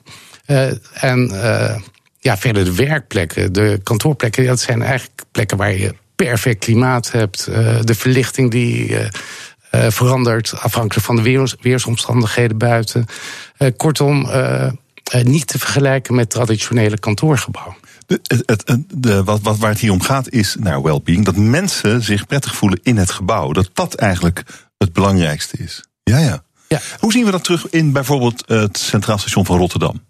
Ja, dat is een totaal anders, ander soort opgave. Maar eh, ik vind een eh, CS, wat we samen met Team CS hebben gedaan, dat is een combinatie van architectenbureaus, eh, heel belangrijk is. dat is eigenlijk de eerste introductie die je hebt als je die stad binnenkomt. Dus als het ware de poort tot de stad. En daar ben ik eigenlijk wel trots op dat we heel veel berichten krijgen dat de, de Rotterdammers het omarmd hebben, maar als station internationaal ook eh, erkenning heeft gekregen. Nou ja, ik, ik zat te denken, ik, ik kom daar wel eens eh, op dat station en dan. eh, dat, het geeft wel een iets ander gevoel dan een ouderwets station. Ja, of, of bedenk ik dan, ja, kan ook gewoon. Ja, dat heeft misschien uiteraard de functionali- functionaliteiten zijn. Er zijn natuurlijk eh, extreem veel eh, specifieke randvoorwaarden. Maar ik denk de ruimtelijkheid van de entreehal, eh, de onderdoorgang die ook zijn maten heeft. Dus het is eh, overzichtelijk, daardoor ook heel sociaal veilig. En het plein buiten, dat loopt als het ware door binnen de hal. Dus het verbindt als het ware die stad al met eh, het station is onderdeel van de stad Ja. geworden. Maar het, maar het is allemaal wel immens groot. Ja. En er zit een glooiing in de hal. Ja, dat klopt. En waarom is dat? Eh, nou ja, met name die, die, die kap. eh, toen wij begonnen aan die opgave, dat is inmiddels al heel veel jaar geleden. Zo'n project dat duurt dus 10, eh, 11 jaar. Ja, ja. Dus echt, het zijn langlopende projecten.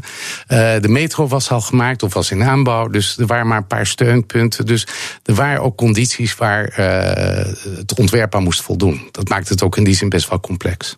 En daarom die glooiing. Ja, ja, nou, ja precies. Ja. Om, dat was een eis voor de hoogte van het gebouw. En dan moesten er Nee, bomen nee, een beetje naar de, beneden. de, de- ja, nou ja, ik zal het weet ik weet niet meer. nou ja, met, het, viel, het maakt niet uit. Het viel, het viel, het, het viel mij laatst op. Eh, maar dit is dus eigenlijk wat je in 35 jaar dan eh, eigenlijk leert over je vak. Of was dat 35 jaar geleden ook al wat je wilde maken? Nou, kijk, ik, ik denk dat de tijd veranderd is. Dat je. Eh, misschien heb ik nu inmiddels ook de leeftijd. Dat ik denk. eh, je hebt bepaalde verantwoordelijkheid voor hetgene wat je maakt. En je wil daar ook echt iets neerzetten wat eh, anticipeert op toekomstige ontwikkelingen. Heel simpel. eh, eh, bijvoorbeeld, wij zullen onze steden moeten gaan verdichten. Hoe ga je dat doen? Eh, we hebben nu bijvoorbeeld een project, een grote tender gewonnen in Sloterdijk. Daar, dat wordt dus ook een impuls tot het maken van een nieuw stuk stad daar. En eh, ook overigens het eerste Well eh, Community certificaat eh, in Nederland en tweede van Europa. Dus dat ook allerlei criteria. Hoe gaan mensen zich daar voelen en welke. wat kunnen wij zeg maar als architect vormgeven op dat dat gaat gebeuren. Dus we hebben gemeenschappelijke tuinen, gemeenschappelijke functies. op die manier creëren we een soort community die een onderdeel wordt uiteindelijk van de hele stad. De, de verdichting van de stad. eh, terwijl de stad juist ook eh, open moet zijn, omdat het klimaat verandert. En er moet groen in, er moet, het water moet weg kunnen, al dat soort dingen. Hoe hou je daar rekening mee? Dat is een integraal onderdeel van, van het ontwerp. Kijk, wij, wij doen dit natuurlijk niet alleen. Bij, bij het maken van zo'n plan doe je dat gezamenlijk met allerlei andere specialisten. In dit geval ook iemand die zich alleen maar heeft bezighouden met de waterhuishouding. We vangen het water op. We hebben onder het spoor, want het gebouw gaat onder het spoor door. Daar hebben we als het ware een soort secret garden met vijvers. Daar, dat is een soort, eigenlijk een heel functionele waterbuffer. Maar die doet tegelijkertijd iets voor de beleving van de nieuwe tuinen die we aanleggen. De gemeenschappelijke tuinen. Eh, er zijn allerlei aspecten die je probeert te integreren met elkaar. om uiteindelijk tot een consistent ontwerp te komen. Waar iemand zich prettig in voelt en wat tegelijkertijd ook groen en duurzaam is. Groen en duurzaam. Ja. Ut- Utrecht bijvoorbeeld doen we Wonderwoods. Eh, dat zijn twee torens. Eentje doen met Stefano Boeri, misschien wel bekend, van Milaan. Bosche Verticale. Eh, en wij doen die, die toren daarnaast. Hebben we nauw eh, samenwerking met elkaar ontworpen. Die worden binnenkort uitgevoerd. Daar hebben we bijvoorbeeld heel veel groen. Eh, het is, het is, als je dat groen zou uitspreiden, dan heb je het over een hectare groen. Dus eh, alleen maar eh, CO2 eh, wat dat oplevert. En los daarvan ook nog eens een keer de, de fauna in de stad. Ik, ik woon al heel lang in Amsterdam. Ik hou van deze stad. Maar ik kan me niet meer herinneren wanneer ik een musje bij ons op het dakterras heb gezien. Dus het is wel heel erg goed dat je met de gebouwen. Waar niet alleen mensen wonen en werken. maar ook kijkt wat dat doet voor de stad. en hoe integreer je dat soort aspecten ook. eh, ja, in een nieuwe. dat je een nieuwe omgeving creëert. Is zo denken, zo ontwerpen, zo bouwen duurder dan zoals we het deden? Eh, ja, uiteraard is het duurder. Eh, de vraag is, je moet natuurlijk op de lange termijn kijken. Je moet kijken hoe gaan mensen zich in de toestand. Want ik denk als je een goed gebouw maakt, dan gaat het ook veel langer mee. En eh, is het onderdeel van de toekomst geworden. Voor hoeveel jaar eh, ontwerp jij dan? Eh, ja, ik hoop dat het heel erg lang blijft staan. Misschien heel pretentieus, maar ik hoop dat ze ook behouden en gekoesterd worden in de toekomst. Maar nou, nou, v- 50 jaar is waar we vroeger mee rekenden, geloof ik. Nee, dat 100 vind ik, jaar is. vind ik, vind ik te korte Ja, tijd. 100 jaar is, is een beetje. Denk je dan aan 200 jaar? Ja, misschien wel. Ja, ja. Dat is een lekker idee ook. ik zie het. Ja. Nou, dat is leuk van ons vak. En tegelijkertijd ook eh, een enorme verantwoordelijkheid. Eh, gelukkig duren de processen lang, dus je kunt alles overwegen. Maar je kunt moeilijk zeggen, ja, sorry, ik heb dat gebouw neergezet. Dus, eh, ja, dat was deze keer even niet gelukt. Dat kan toch. je, je, je bepaalt niet alleen eh gebouwen waar mensen wonen, werken, maar je definieert ook hoe wij de stad ervaren. Ja, voor de komende 200 jaar. Ja, ja. Ja, fascinerend. Zometeen praten we verder over de veranderende woningmarkt en hoe die vraagt om een nieuwe manier van ontwerpen. BNR Nieuwsradio. Mijn gast is architect Roberto Meijer. Met zijn bureau MVSA ontwerpt hij de meest complexe bouwwerken. En hij heeft er een hele mooie filosofie over. We hadden het net al even over de woningmarkt. Dat dingen veranderen. Uh, steden veranderen, de wensen van mensen veranderen. Uh, hoe bouw je voor die mensen? Hoe bouw je voor mensen die geen auto hebben, die, uh, die met z'n allen toch op een heel klein stukje grond, bijvoorbeeld Amsterdam, willen wonen, daar geld voor over hebben? Hoe, hoe ontwerp je voor die mensen? Ja, ik, ik denk dat er toch een enorme verandering gaande is in de, in de grote steden. Uh, ik denk dat mensen compacter gaan wonen. Dus eigenlijk relatief minder woonoppervlak uh, nodig hebben. Omdat ze meer van de faciliteiten van de, ja, van de stad gebruik maken. Of de faciliteiten die een gebouw te bieden heeft. Dus hoeveel vierkante meter als persoonlijke ruimte? Ja, dat, dat, dat wisselt denk ik of je één persoons of uh, meerdere. Dus, ja, ik denk vanaf een 30 vierkante meter tot, uh, hm. tot gezinnen. Dus dit, ik denk bijvoorbeeld in Amsterdam ontbreekt er heel veel aan middelduur huur. Heel erg belangrijk. Ja. Uh, dus, dus je hebt natuurlijk heel veel doelgroepen. Belangrijk is natuurlijk die flexibiliteit. Uh, Waar wij nu onder andere mee bezig zijn, is om te kijken hoe kunnen we uh, in kortere tijd bouwen, maar en hoe kunnen we de kwaliteit verhogen. Uh, bijvoorbeeld bij een plan uh, als in Sloterdijk gaan we modulair bouwen. Wat houdt dat in? we, de, de, ja, de woningen worden als het ware fabrieksmatig gemaakt. Maar dan moet je meer denken als een auto. Dus dat Aha. je echt op een high-end alles op kwaliteit en dezelfde kwaliteit. Dus het is niet zo dat uh, bij het ene appartement een stucador zich die dag even niet fijn voelde. Of uh, het komt allemaal op eenzelfde level. Uh, mm -hmm. Komt het die fabriek uit, wordt getest. en ja, het is bijna op de site plug and play. Nou, dan noem ik al meteen één heel erg groot gevaar ziet dat eruit als gestapelde doosjes. Want we hebben natuurlijk ja, die voorbeelden ja, ja. van containers en dergelijke.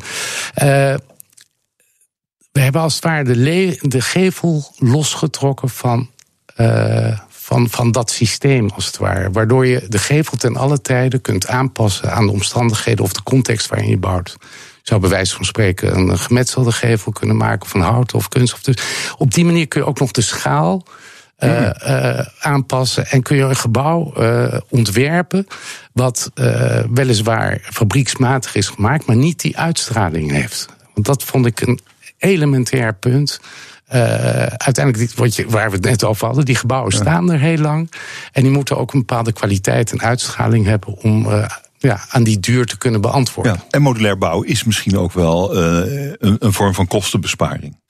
Ja, absoluut. Ik denk dat de, de, bouw, de bouwtijd korter wordt. Uiteindelijk uh, vraagt het wel een bepaalde repetitie. Wil je, wil je, en uiteindelijk kan het, uh, kan het aanzienlijk in de kosten schelen. Ja. Um, en Amsterdam is natuurlijk vol als we het over Amsterdam hebben, maar dat geldt eigenlijk voor al onze steden. Er, er, zal die verdichting die zit eraan te komen. Mensen willen in steden wonen. Um, hoe snel uh, kun je dat doen? Hoe snel kun je steden verdichten? Hoe snel kun je tegemoetkomen aan die vraag naar middel, uh, middelhuurwoningen? Nou ja, ik, ik, ik denk uh, punt 1, dat begint natuurlijk bij alle visies die ontwikkeld worden vanuit de gemeente. Uh, binnenkort ben ik heel erg trots op dat ik voor een stukje van Amsterdam daarover mee mag denken als supervisor. voor een stuk van Noord ik denk dat die procedures nog het meeste tijd kosten. Ja? En, uh, de visie. Maar de, de visie, ja. uiteindelijk zullen we gaan moeten verdichten en heel kritisch moeten kijken waar doe je dat. Dat kun je niet overal doen. Uh, maar we moeten wel in oogschouw nemen dat in 2050 90% van onze bevolking in Europa in de stedelijke, in de stedelijke omgeving zal wonen. Ja. En daar zullen we nu toch echt op moeten anticiperen, ook in onze architectuur. Uh, hoe wij uh, landschappen integreren in onze gebouwde omgeving. Met name ook hoe ga je met die openbare ruimte om, dat die kwaliteit gaat krijgen. Wat is de kwaliteit van de openbare ruimte van de toekomst? Hoe zie je dat voor je? Ik denk dat er dat je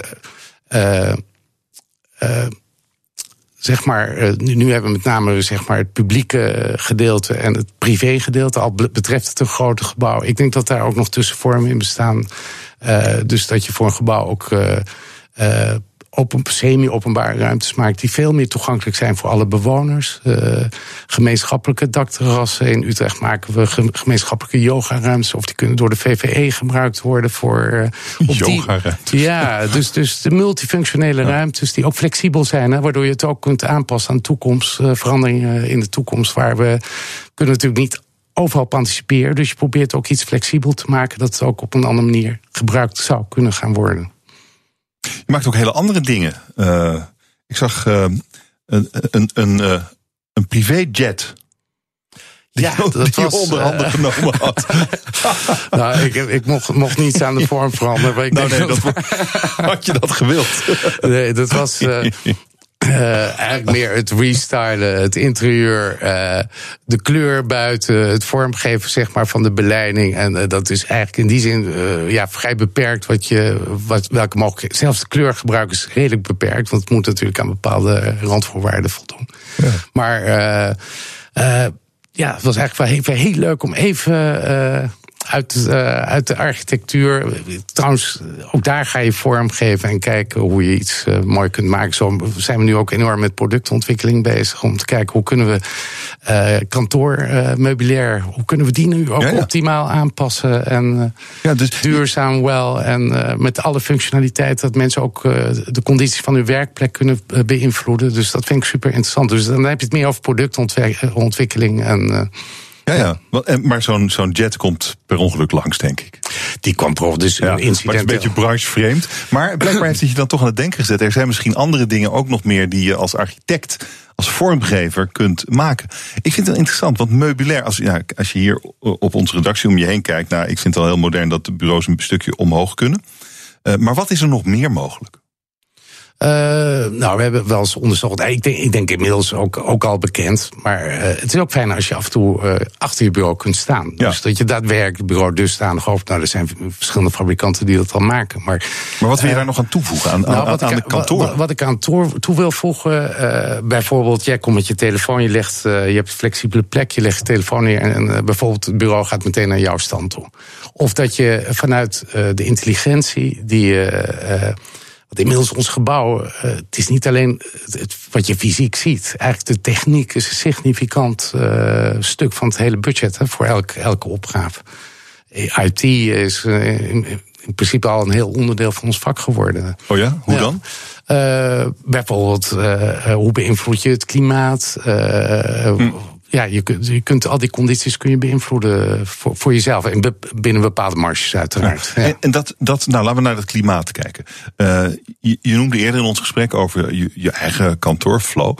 Hoe je daar een topklimaat wilt realiseren. Daar bleef ik even aan hangen. Want ik dacht, wat is een topklimaat? Eh, een topklimaat is waar mensen zich ook weer prettig bij voelen. Maar het is in heel veel gebouwen niet het geval. Hoe, hoe kan dat en hoe bereik je een topklimaat? Eh, nee, ik, ik denk dat heeft met. Eh, we hebben natuurlijk eh, bepaalde criteria eh, om dat klimaat te bereiken. En je hebt, je hebt als het ware zeg maar een soort, laat ik het even, het overschrijdingsuur die dan geaccepteerd worden. Maar eigenlijk wil je dat dat klimaat continu ja, eigenlijk optimaal is, al is het buiten 35 graden. Waarschijnlijk gaat dat nog vaker gebeuren als we Mhm. de afgelopen eh, zomer nu hebben gezien. Eh, dat kun je beïnvloeden door eh, ja, eigenlijk allerlei technische oplossingen. Je instalatietechniek, om dat echt goed te doen. En het gebouw zelf heeft bijvoorbeeld triple glazing. Dus die schil die is op zich al heel erg goed geïsoleerd. En eh, eh, met, met de overige installaties kunnen we, kunnen we zorgen dat luchtvochtigheid. tegenwoordig ook wat we nu ook aan het ontwikkelen zijn, dat is. of gaan integreren, ontwikkelen wij zelf niet. Maar wat gebeurt er met straling bijvoorbeeld? Staan wij vaak niet bij stil. Alle telefoons, alles Oh ja. straalt. En, eh, nou, dus, eh, Al die schermen, ja. ja, ja, ja. Rust, die heeft nu een octrooi. En dat is wel heel interessant om dat ook weer te integreren. Want dat wordt ook nog een van de dingen in de toekomst, denk ik, waar we nu op kunnen anticiperen. Maar le- leg eens uit alsjeblieft wat dat dan precies is. Hoe, hoe voorkom je die straling? Ja, moeilijk lijkt me. Ja, dat is heel moeilijk. Ja, dat wordt heel specifiek, denk ik, voor nu. Ja, ja, ja. Maar- en daar moet ik zelf ook nog heel erg induiken, hoor. We hebben bijvoorbeeld, eh, wat ik eigenlijk al zei, eh, goed gebouw. eh, om alles goed te integreren, doen we ook samen met andere experts... Die, waar hun vakgebied weer is. Ja. Ja, dat heet geloof ik domotica. Hè? Dat, je, dat je huis eh, precies doet wat jij wil voordat je zelf weet dat je het wil, bijvoorbeeld. Is dat ook iets wat een grote rol speelt in, in de architectuur van de toekomst? Dat huizen ook, dat deuren voor je open gaan, of, of juist niet als je niet de goede clearance hebt. Of, gewoon dat, dat, dat, het, dat jouw gebruik van het gebouw gepersonaliseerd wordt. Nee, nee, absoluut. Ja? absoluut. Hoe, gaat, dat- hoe ziet dat er verder uit? Wat heb je daar voor ideeën over? We, we, we, we hebben nu bijvoorbeeld eh, bij ons nieuwe kantoor krijgen face recognition. Nou, dat is geen kantoorgebouw, alleen op luchthavens heb je het nog. Eh, Maar als je aankomt, dan gaat de deur voor je open. Eh, de lift gaat ook meteen naar de plek waar je naartoe wilde. Of je geen. eh, Wauw. Dus ja. iedereen die in dat we- kantoor werkt, ja, die wordt herkend. Ja, ja. en we monitoren ook welke plekken wel en niet gebruikt worden. Opdat we daar zeg maar weer wijzigingen kunnen aanbrengen, mocht dat noodzakelijk zijn. Ja, ja, dat je een andere besteding kunt, eh, bestemming kunt aanbrengen. Dat is interessant. Kort, kortom, wat, waar het op neerkomt, is denk ik dat de techniek en al dat, soort- dat soort aspecten uiteindelijk gaan beïnvloeden hoe wij ruimtes gaan gebruiken en hoe we ze het beste kunnen vormgeven. Mm-mm.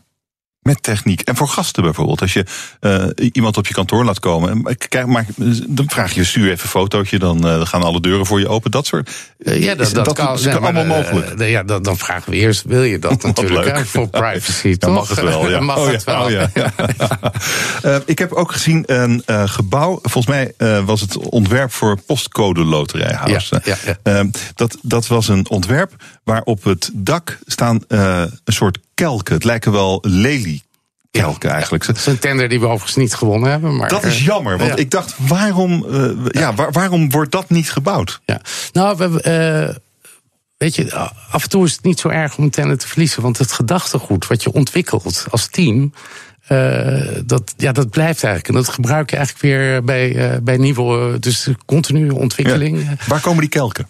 Eh, nou, bijvoorbeeld nu het casino in Venlo. Wat hebben we daar bedacht? Eh, casino, eigenlijk is een casino een dichte doos met een entree erin. Toch? Met een gat. donker mogelijk daar naar binnen. Eh, maar daar hebben we nu wel gekeken hoe kunnen we daar een van de allerduurzaamste gebouwen van maken. Dus we hebben als het ware bij de centrale bar die is opgetild, dan heb je een houten constructie. En die is als het ware als een boom, als een soort grote bloem, opent die zich, wordt het uiteindelijk het dak. Eh, de, dat dak, dat zijn eigenlijk allemaal zonnepanelen, maar daar vangen we ook het water in op. Onder het gebouw hebben we een waterbassin. En de, eh, op de parkeerterreinen staan als het ware een soort bloemen. Dat zijn eigenlijk de, de lantaarnpalen om, voor de verlichting s'avonds. Maar daar vangen we lucht in op. Die lucht gaat door een buizenstelsel naar dat bassin toe. En op die manier koelen we het gebouw. Dus eh, eigenlijk gebruiken we van dat soort natuurlijke elementen om juist een gebouw wat, wat relatief veel energie gebruikt, eh, om dat zo maximaal te- mogelijk te reduceren. Ik vond het een mooi gesprek over de toekomst zoals die eigenlijk nu al wordt bedacht en gebouwd. Hartelijk dank daarvoor, architect Roberto Maier. Dankjewel. Dankjewel. BNR Nieuwsradio. Hemmen. Hemmen. Het DNA-verwantschapsonderzoek in de zaak van de moord op Nicky Verstappen heeft een verdachte opgeleverd. Bespreek het in De kantine. met vandaag Donatello Piras. Hij is dagvoorzitter en communicatiespecialist en Noor-Spanjer, eindredacteur van Broadly. En dat is het vrouwenplatform van Vice. Mooi dat jullie er zijn. Welkom. Hoi. We, gaan, we gaan er zo over praten. Eerst eh, ga ik naar verslaggever Hugo Reitsma, die eh, bij de persconferentie was in Maastricht over de zaak Nicky Verstappen. En die verdachte, Hugo, eh, er is een verdachte. Wie is die man? Het gaat om de 55-jarige Jos B., eh, man uit Simpelveld. Met hem is een één op één DNA-match eh, gevonden door het Nationaal Forensisch Instituut. Met sporen op het lichaam van de 20 jaar geleden vermoorde Nicky Verstappen, dat jongetje. De politie heeft zijn naam eh, bekendgemaakt en zijn foto gepubliceerd, want ze kunnen hem niet vinden. Laatst eh, bekende verblijfplaats is een chalet in de Vogezen. De man doet aan bushcrafting, dat is dat je eh, door het bos gaat wandelen en daar een beetje gaat overleven. En de Limburgse hoofdofficier van justitie, eh, Jan Eland, die zoekt nu uitdrukkelijk de hulp van het publiek om hem alsnog te achterhalen. Er is dus al ruim twee maanden intensief onderzoek geweest naar de verblijfplaats van deze man. Uit het onderzoek wordt steeds duidelijker dat de man zich waarschijnlijk bewust onvindbaar maakt. Ik ga even niet in details op, maar uh, als, je, als je dat uh, combineert, dan gaan wij ervan uit dat de man zich op dit moment gewoon uh, ondergedoken is. Vandaar dat wij ook niet meer verder komen. Vandaar dat wij met onze normale traditionele opsporingsmiddelen bij het eind zijn geland. We kunnen zo nog een hele tijd doorgaan. Maar, maar dit levert niks meer op. Wij hebben echt ogen nodig. Ogen van mensen die hem hebben gezien. Ergens in Europa. En, en die ons daarover kunnen informeren. Hugo, wat zegt de familie van Nicky Verstappen? Want die waren er ook bij. Die waren er ook bij uh, hier in een uh, bomvolle zaal van de, de politie in uh, Maastricht. De emoties waren van hun gezichten te lezen tijdens eh, de, eh, de, de bekendmaking van, eh, van alle feiten en, en hoe het is gegaan. De moeder van Nicky vertelde ook nog over hoe afschuwelijk de zaak voor, voor hen, voor de familie is geweest. En sprak speciale dank uit nog aan Peter R. de Vries, die zich al die jaren heeft ingezet voor het onderzoek naar de zaak. Zonder hem, zei de moeder van Nicky, was het onderzoek misschien al lang gestopt. Hugo Rijtsma in Maastricht. Dankjewel. Praat erover door in de kantine. Donatello Piras is bij me en Noor Spanjer. Uh, Noor, de politie vindt het een grote door doorbraak. Nou, ik ook. Wat ik wel bijzonder vind, is dat ze die man dus gewoon niet kunnen vinden. Nee, dat, dat wilde ik net zeggen, foto. ja. Ja, ja hoe, hoe, hoe onvindbaar kan je nog zijn in deze tijd? Ja. Hè? Je zou denken van, ik stuur regelmatig live locatie-appjes en uh, uh, dat soort ja. dingen.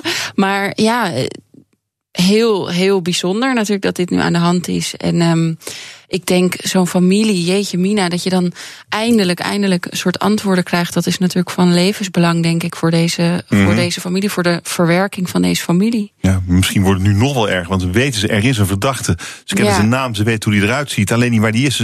Het is er maar één die weet hoe de laatste uren van Nicky Verstappen eruit hebben gezien. Ja. En dat is deze man. En die wilde dus blijkbaar niet over praten. Ja, toch geloof ik dat onopgeloste zaken altijd erger zijn voor mensen die met dit soort uh, mm. uh, geweld te maken krijgen, families die daarmee te maken krijgen. Wat denk jij, Donatello? Nou, wat mij met name opvalt aan deze zaak is dat dit dus hè, een man was die twintig jaar geleden al op het plaatsdelict is geweest. Een man werkte bij de scouting. Deze man bleek ook bij peuterspeelzaal uh, in ieder geval één gewerkt te hebben. En hij was een avond erna, na de vondst van, van Nicky, was hij op de fiets. Half één s'nachts was hij daar. Het is een proces verbaal opgemaakt door de marechaussee. Kortom, hij was al in het vizier. Uh, het past mij niet om dan te zeggen dat er slecht onderzoek is geweest, want dat weet ik helemaal niet. Alleen dat, dat vond ik het wel opvallend aan de zaak. Dit is niet een totale vreemde. Hij was mm -hmm. dus al eerder in het onderzoek. Um, ja, in de picture geweest. En kwam toen weer naar boven omdat hij zich wilde onttrekken aan zo'n DNA-onderzoek. Ja, en, en hij blijkt dus al vanaf februari dit ah. jaar weg te zijn gegaan naar ja. het buitenland. En uh, in april vermist opgegeven. Nu heeft zijn familie. En ze hebben in die, dat chalet in de Vorgezen blijkens ook doorzocht te hebben, de politie. En daar hebben ze gevonden nou ja, aanwijzingen die erop, die er, die er uh, op wijzen dat hij voor langere tijd uh, zou verdwijnen. Ja. Dus ik weet niet wat ze dan hebben gevonden, maar de, voor rantsoenen of zo, de, dat, dat soort zaken. Ja, kijk, je kunt in de Vorgezen, kun je volgens mij best een paar dagen wegblijven. Ik maar denk dat je, je wel weken kan verdwijnen. Ja, maar als je een goede zoekactie op, op touw zet, dan, dan denk ik dat we er ook alweer binnen een paar dagen. Denk je dat werkelijk? Hoe vind je zo'n vent die niet gevonden wil worden de... en bovendien kan overleven zonder iets, blijkbaar? Gooi, de, nee, bedoel, als je de, uh, gooi je even twee kazernes militairen open en uh, ja, laat eens even het hele, de, de hele Vorgees uitkammen. Dat moet wel lukken. Ja, honden. Ja. Alles. Hm. Ja. Uh, Peter R. ik zie hem weer hier op het televisiescherm. We kijken naar L1. Ja. Uh, Noor, de, deze man, uh, Peter, heeft dus twintig jaar lang hier bovenop gezeten. Zou het ook, zoals de familie denkt, aan hem kunnen, uh, te danken kunnen zijn dat we nu dit nieuws bespreken?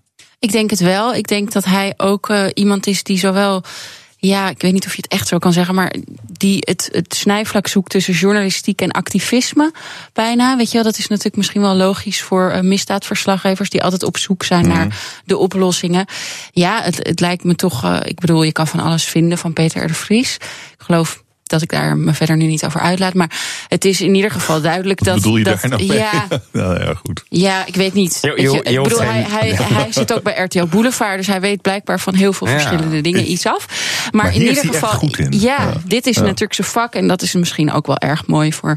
Of mooi is misschien een beetje dat een wrang woord in dit soort zaken. Maar ik denk wel dat het natuurlijk een kroon op zijn werk is. Vermoedelijk. zeggen. En nou ja, goed. Uh, ander uh, verhaal van vandaag. Uh, de voormalige advocaat van Donald Trump, die Michael Cohen, die heeft nu officieel toegegeven onder Ede dat er zwijggeld is betaald aan die Stormy Daniels en een andere pornoster. Om te voorkomen dat ze gingen ja. praten over hun affaire met Donald Trump. Um, nu staat het dus vast. Ja, of ik zat daarover na te denken wat voor zinnigs ik daarover ja. kon zeggen. En ik dacht eigenlijk alle keren dat ik hier uh, te gast ben geweest om met jullie over het nieuws te praten, zat Trump er wel in over ja. iets verschrikkelijks wat hij nu weer had gedaan. En het blijft me toch verbazen dat we het over de president van de Verenigde Staten hebben als het gaat over dit soort kwesties. En in de Volkskrant uh, vroegen ze zich ook af van maar wat voor consequenties heeft dit nou? En tot zover geen. En dat is natuurlijk altijd Hmm. het opmerkelijkste nieuws. Het gaat er bijna niet meer over of het waar is of niet waar. Maar dat, nou ja, dat is uiteindelijk heel belangrijk. Maar het, het, het blijft erover gaan dat hij ja, wegkomt met al deze dingen. Hij is gewoon onaantastbaar. Eh, maar een eh, man die eh, een relatie heeft, hoe kort dan ook, met een vrouw. en hij betaalt haar daarna om er niet over te praten. Is dat strafbaar? Je mag het niet. Is het, maakt dat hem een ongeschikte president? Ja, ik vraag dat in maar. ieder geval. Ja? Nou, ja, nou, kijk, ik, ik weet niet of Moreel. dit. Ik weet niet of, ik weet niet of dit simpele feit, wat inderdaad nog bewezen moet worden, hem een ongeschikte president maakt. Wat ik wel weet is, als ik er puur even kijk en dan tel ik dingen op en dan kijk ik even naar de reputatie van de beste man. Ja, het is wel iedere keer wat het feit wat, wat, wat, wat jij zegt, dat, dat ben ik het ook mee eens. Ik heb Trump ook nog nooit uit de kantine kunnen krijgen, zeg maar, qua onderwerpen. Dus er is iedere dag Nou, wat met deze ik man. ook niet, hè? Dan kun je, nee, nee, precies. Kortom, er is iedere dag iets met de man. Maar we hoeven het er niet heel lang over te hebben. Dit is, nou ja, Ja, je- maar het telt wel, wat ik erover zeg, kijk, het telt wel op. En, en tuurlijk, hij is Ja. niet morgen weg. Hij is ook niet overmorgen weg. Maar als dit zo doorgaat, ehm, d- vroeg of laat komt het woord impeachment wel ergens in de buurt. Mm. En, en of dat dan doorgaat, dat is dan weer een, een hele andere zaak. Maar ja, dat hij er niet zo goed op staat, niet. Alleen hij blijft gewoon heel veel aanhangers hebben in de Verenigde Staten. En dat zijn de enige mensen die er echt over gaan. Donatello, in de Volkskrant stond een, eh, een stuk over mensen die op de begrafenis van de slachtoffers van de brugramp in Genua een selfie nemen met de eh, vicepremier eh, van het land, geloof ik. Ja. Die foto, eh, die, die, die- het, het moment dat die selfie genomen wordt, heeft een fotograaf een foto van gemaakt. En die foto die wordt nu veel eh, gedeeld op social media, gepubliceerd. Eh, de, je bent dus bij een begrafenis en je maakt een selfie. Ja, ja, Ehm, de- ja, dat is de- even, gek. voor, ja, even voor de record. Dit gaat dus niet over, over, over de vicepremier van Italië. Die is Oh. op die selfie gezet. Maar die heeft dus niet zelf die selfie genomen. Hè. Maar wel Alleen- toegezegd. Ja, eh, ja, dus dat ten eerste. Waarbij hij dan ook de opmerking heeft gemaakt: niet lachen hè, tegen haar. Van eh, eh, wel even Dat- dat serieus. was nog wel beleefd, Dat, ja. dat nog wel beleefd. Ehm, ja, kijk, ik, ik, ehm, ehm, ik, ik begrijp het wellicht nog wel dat hij daarin toezicht. Want als je het niet toezicht, ja, dan ben je misschien weer arrogant enzovoort. Eh, en hij denkt aan zijn reputatie. Maar ik vind er zijn een paar momenten in het leven. dan gaat het niet over imago of al- allerlei onbelangrijke andere zaken. Het is weliswaar mijn vakgebied, maar eh, dan, dan gaat het over wat anders. En dit ging over eh, mensen die overleden waren, rouwende familieleden en rouwende vrienden. En dan heb je je gemak te houden. Dus ik bedoel, ik ben heel erg hecht aan mijn mobiele telefoon, heel erg aan, aan social media. Maar soms moet dat krenk gewoon uit. En dit is zeker zo'n gelegenheid. Het nadeel is alleen, als mensen dat zelf niet voelen, hoe ga je het ze dan duidelijk maken? Een verbod. Maar wat gaan we het daar weer over maar, hebben? Maar Noor, wat, wat, wat, wat zegt dit nou eigenlijk? Dat Ja. we dus op een begrafenis van 19 mensen, 19 slachtoffers van een ramp, een selfie gaan staan maken met een beroemdheid. Het zegt iets over de eh, gigantische rol natuurlijk die ook sociale media spelen in ons leven. Want deze vrouw wil dat natuurlijk ook maken, zo'n foto, om dat uiteindelijk weer te kunnen delen. En ik heb daar inderdaad wel erg dubbele gevoelens over. Ehm, omdat ik ook denk van, kijk, er, er is ook altijd heel veel kritiek geweest op het positieve karakter van sociale media. Dus als je het heel ver zou doortrekken, zou je kunnen denken van begrafenissen en ongelukken maken ook deel uit van ons leven. Ja. Dus daar Ja, maken we ook foto's van. Dat, daar zit op zich wel iets in. Eh, tegelijkertijd weet ik ook nog inderdaad dat je van die mensen had, eh, hebt, toeristen die selfies maken bij, bij Tweede Wereldoorlog monumenten, weet je wel. En daar een soort van met peace tekens en vrolijk lachend op gaan staan. Is ook vrij idioot. Eh, verder denk ik, ja, het herinnert me ook een beetje aan een eerder fragment op eh, Instagram deze week. Eh, de verloving van Little Kleine. Wat op een heel ander. Het gaat, gaat natuurlijk over iets heel anders, maar dat gaat dan over een verloving, begrafenissen. Als je het even over de grote dingen van het leven hebt. Maar dat was een van de treurigste filmpjes die ik misschien wel ooit heb gezien op Instagram. Over de oppervlakkigheid. Eh, die in dat filmpje zit, daar moet je echt eens naar kijken. De, de, de treurigheid van zo'n zogenaamd romantisch moment. Wat dan alleen maar gedaan wordt om zoveel mogelijk publiek te kunnen hebben en te kunnen delen. Ja, daar, daar zit iets heel, heel treurigs in. En ik denk dat deze begrafenisselfies geen trend moeten worden. Hoe voorkomen we in de toekomst dat bij een storing een groot deel van de Randstad onbereikbaar wordt met de trein? Bespreek het zo in de kantine. BNR Nieuwsradio. Je luistert naar de kantine, gaat over het nieuws van de dag. Natuurlijk, Jurgen Ruijman is hier, want zometeen begint Ask Me Anything. Wat is jouw onderwerp vandaag? Nou, vandaag heb ik het over onderwerpen waar ik, ik zelf echt geen moer van af weet. Dat moet ik even zeggen. Het gaat over de beurzen namelijk. Eh, de, Amerikaanse beurs, eh, vooral, die eh, steegt, eh, blijft maar stijgen. Die breekt vandaag een zogenaamd record. Omdat ze sinds 2009 langer dan 3400 Oh ja. dagen in een stijgende lijn Oh zitten. ja. ja. Dus eh, het is een historische kop. Maar wat zeggen de fondsen? Eh, weet je, hoe komt dat die rally plaatsvindt? Heeft het dan, is het met het beleid van, heeft het met het beleid van Bush te maken? Hoe kan het dat ze blijven stijgen, ondanks dat hij tegen ieder, alle schenen aanschopt en ruzie zoekt met iedereen, eh, handelsoorlogen dreigen? Of is hij werkelijk gewoon die briljante zakenmanier ervoor zorgt die dit allemaal voor elkaar, dat dit allemaal voor elkaar krijgt? Aan de andere kant, het is al sinds 2009, dus is het alleen maar hij die daarvoor verantwoordelijk is.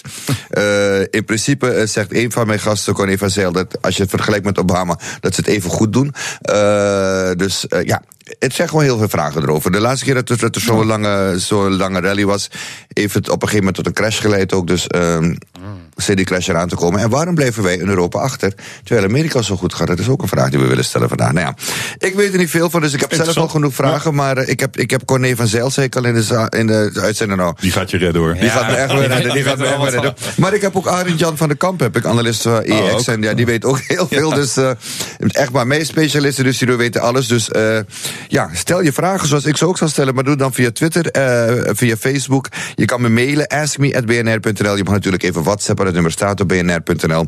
Of een mailtje sturen naar askme.bnr.nl. Maar het leukste... Bellen. 020 468 4 En stel je vraag gewoon live in de uitzending. Vanaf twee uur, ask me anything. Ja, ik maak wel een selfie met Corné. Doe maar. ja, en met Arend Jan dan ook natuurlijk. Hè.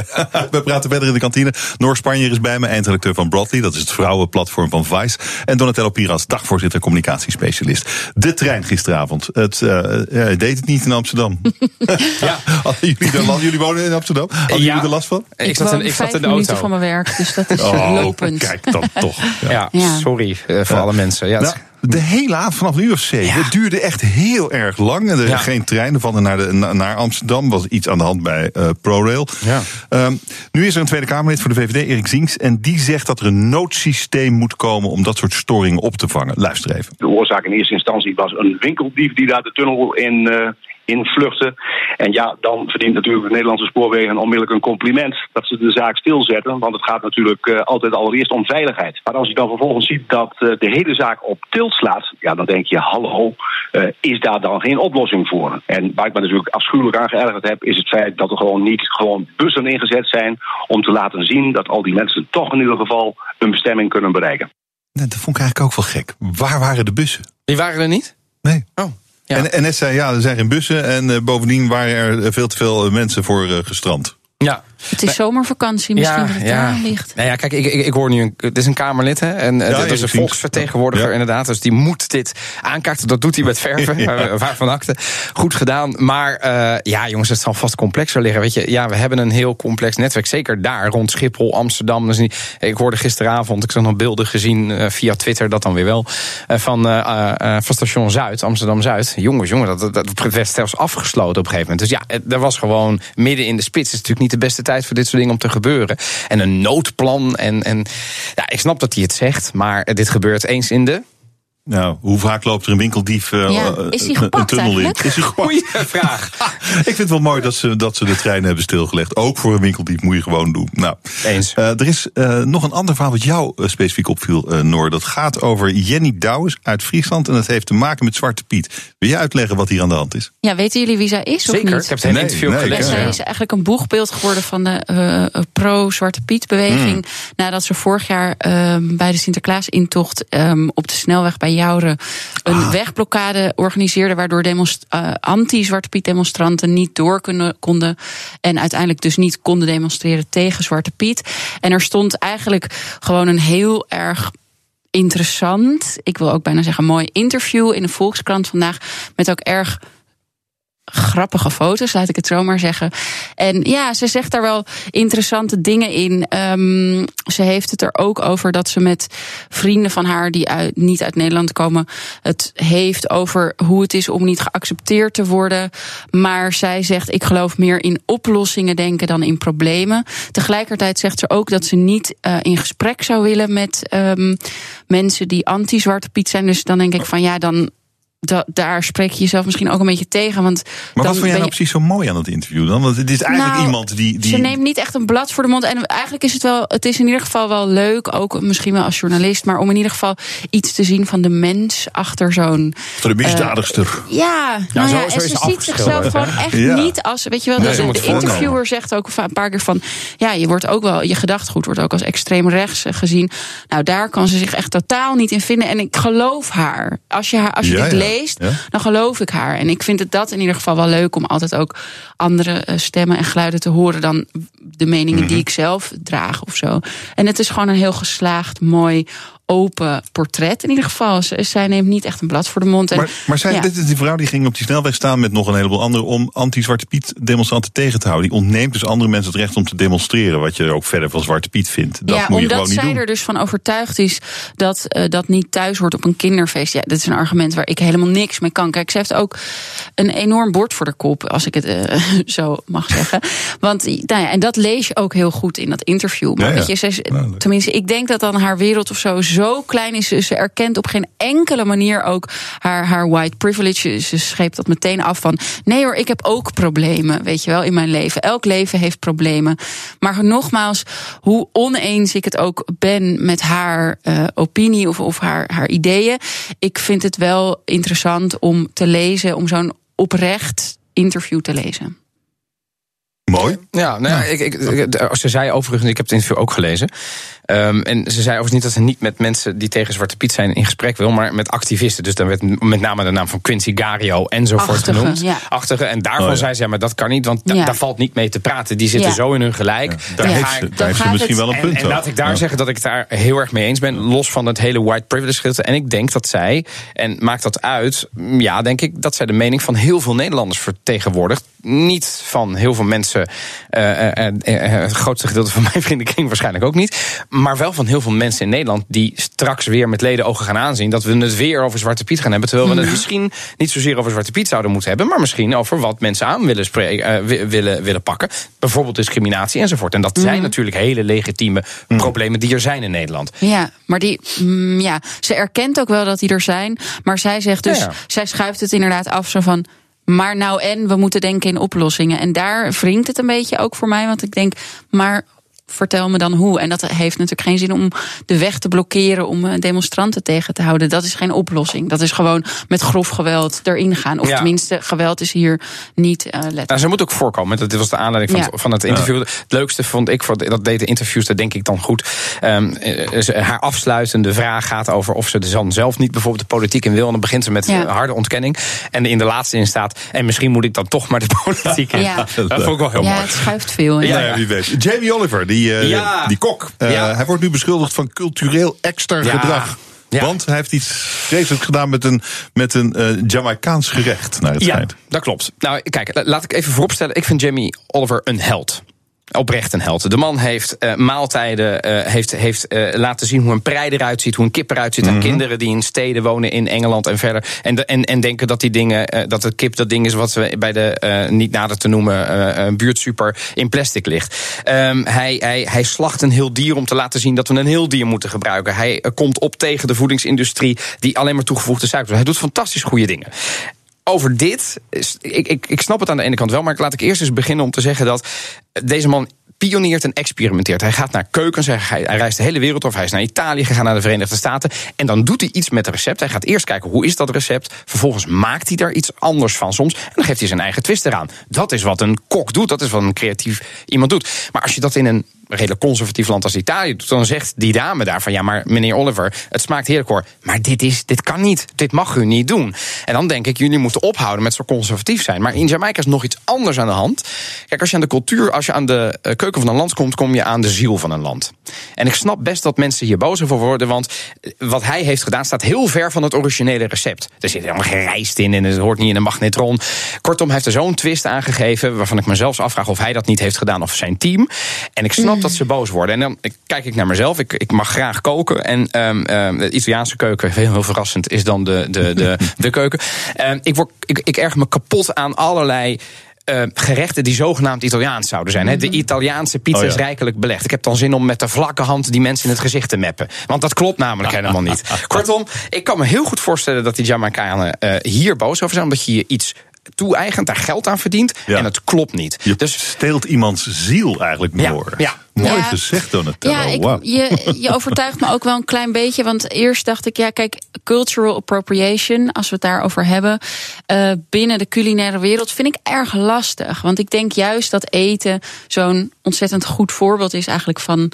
Ja, geslaagde multiculturele Ja. samenleving. Maar hij het verdient, zo hij maar verdient er gewoon eh, heel veel geld mee. Die man is al, Nou, eh, en heeft daar, honderden miljoenen daar verdiend. wringt het natuurlijk een beetje. Maar aan de andere kant, ja, ik weet het niet zo goed. Ah. Het is wel, weet je, het, het, het je toe-eigenen van verschillende onderdelen uit andere landen om mooi of lekker eten te maken. Ja, Hij had het gewoon. laten we dat eh, vooral eh, blijven doen. Er is een hele simpele oplossing, denk ik. En het, als hij slim is, even communicatie. Dan ga ik weer even op de communicatie. Hij moet het gewoon. Hij moet het, de naam gewoon meteen veranderen. Zeggen: sorry, Ja. dit lijkt inderdaad niet op het originele gerecht. Maar ik heb daar inspiratie uit gehaald. Ik Precies. noem het anders. Ja. Geef er een Jamaicaanse twist Ja. aan. Hoort hij niemand er meer over. En dan mag hij gewoon geld eraan verdienen. En dan blijft hij voor mij gewoon een Jerk. held. Jamie's- Jerk, hè? Jerk was het. Jamie's ja, ja. jerk. Jerk. Jamie's jerk. jerk. Jamie. Ik krijg er wel honger van.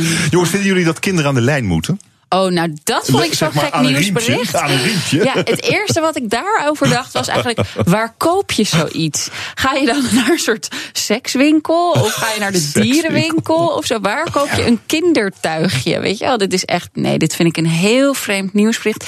Ik, ik heb daar ook verder helemaal niets over te zeggen. Behalve dat ik denk, je kan toch ook gewoon je kind aan je hand houden of zo? Ik bedoel, je hebt toch gewoon zelf een hand of over... Ja, ik weet het niet. Ik heb Oh. ook geen kinderen, dus ik, kan me daar gewoon ik, niks bij ik, ik voorstellen. denk dat ik vroeger wel eens aan een riempje heb gelopen. Ik, heb Nee. zo'n, ik ga dat vragen aan mijn vader en moeder. want Ik, ik Foto. denk dat ik. Ik heb ergens heb ik zo'n herinnering nog. Ja, nou ja, het komt het bestaat al ja, heel lang namelijk. Ik vind het inderdaad, het, ik vind het ook een heel ouderwetse manier. En het, het roept bij mij gevoelens op van of ouders die gewoon niet kunnen communiceren met hun kind of zo. En ook tegelijkertijd van ontzettend ongehoorzame kinderen. Dus misschien Mijn, was vriend- jij mijn, dat wel? mijn vriendin eh, eh, heeft zo'n. eh, vertelt mijn schoonmoeder me dit. Haha. eh, dat ze wel eens aan een tuigje heeft gezeten vroeger. Maar dat dat heel normaal was. en dat ze, ja. ze was heel bewegelijk. Ja, en het was Ja. veel beter om haar gewoon lekker los te laten lopen. In plaats van eh, in de buggy vast te snoeren. Ja. Dus daar kan ik me dan nog wel iets bij voorstellen. Ik, ook hier weer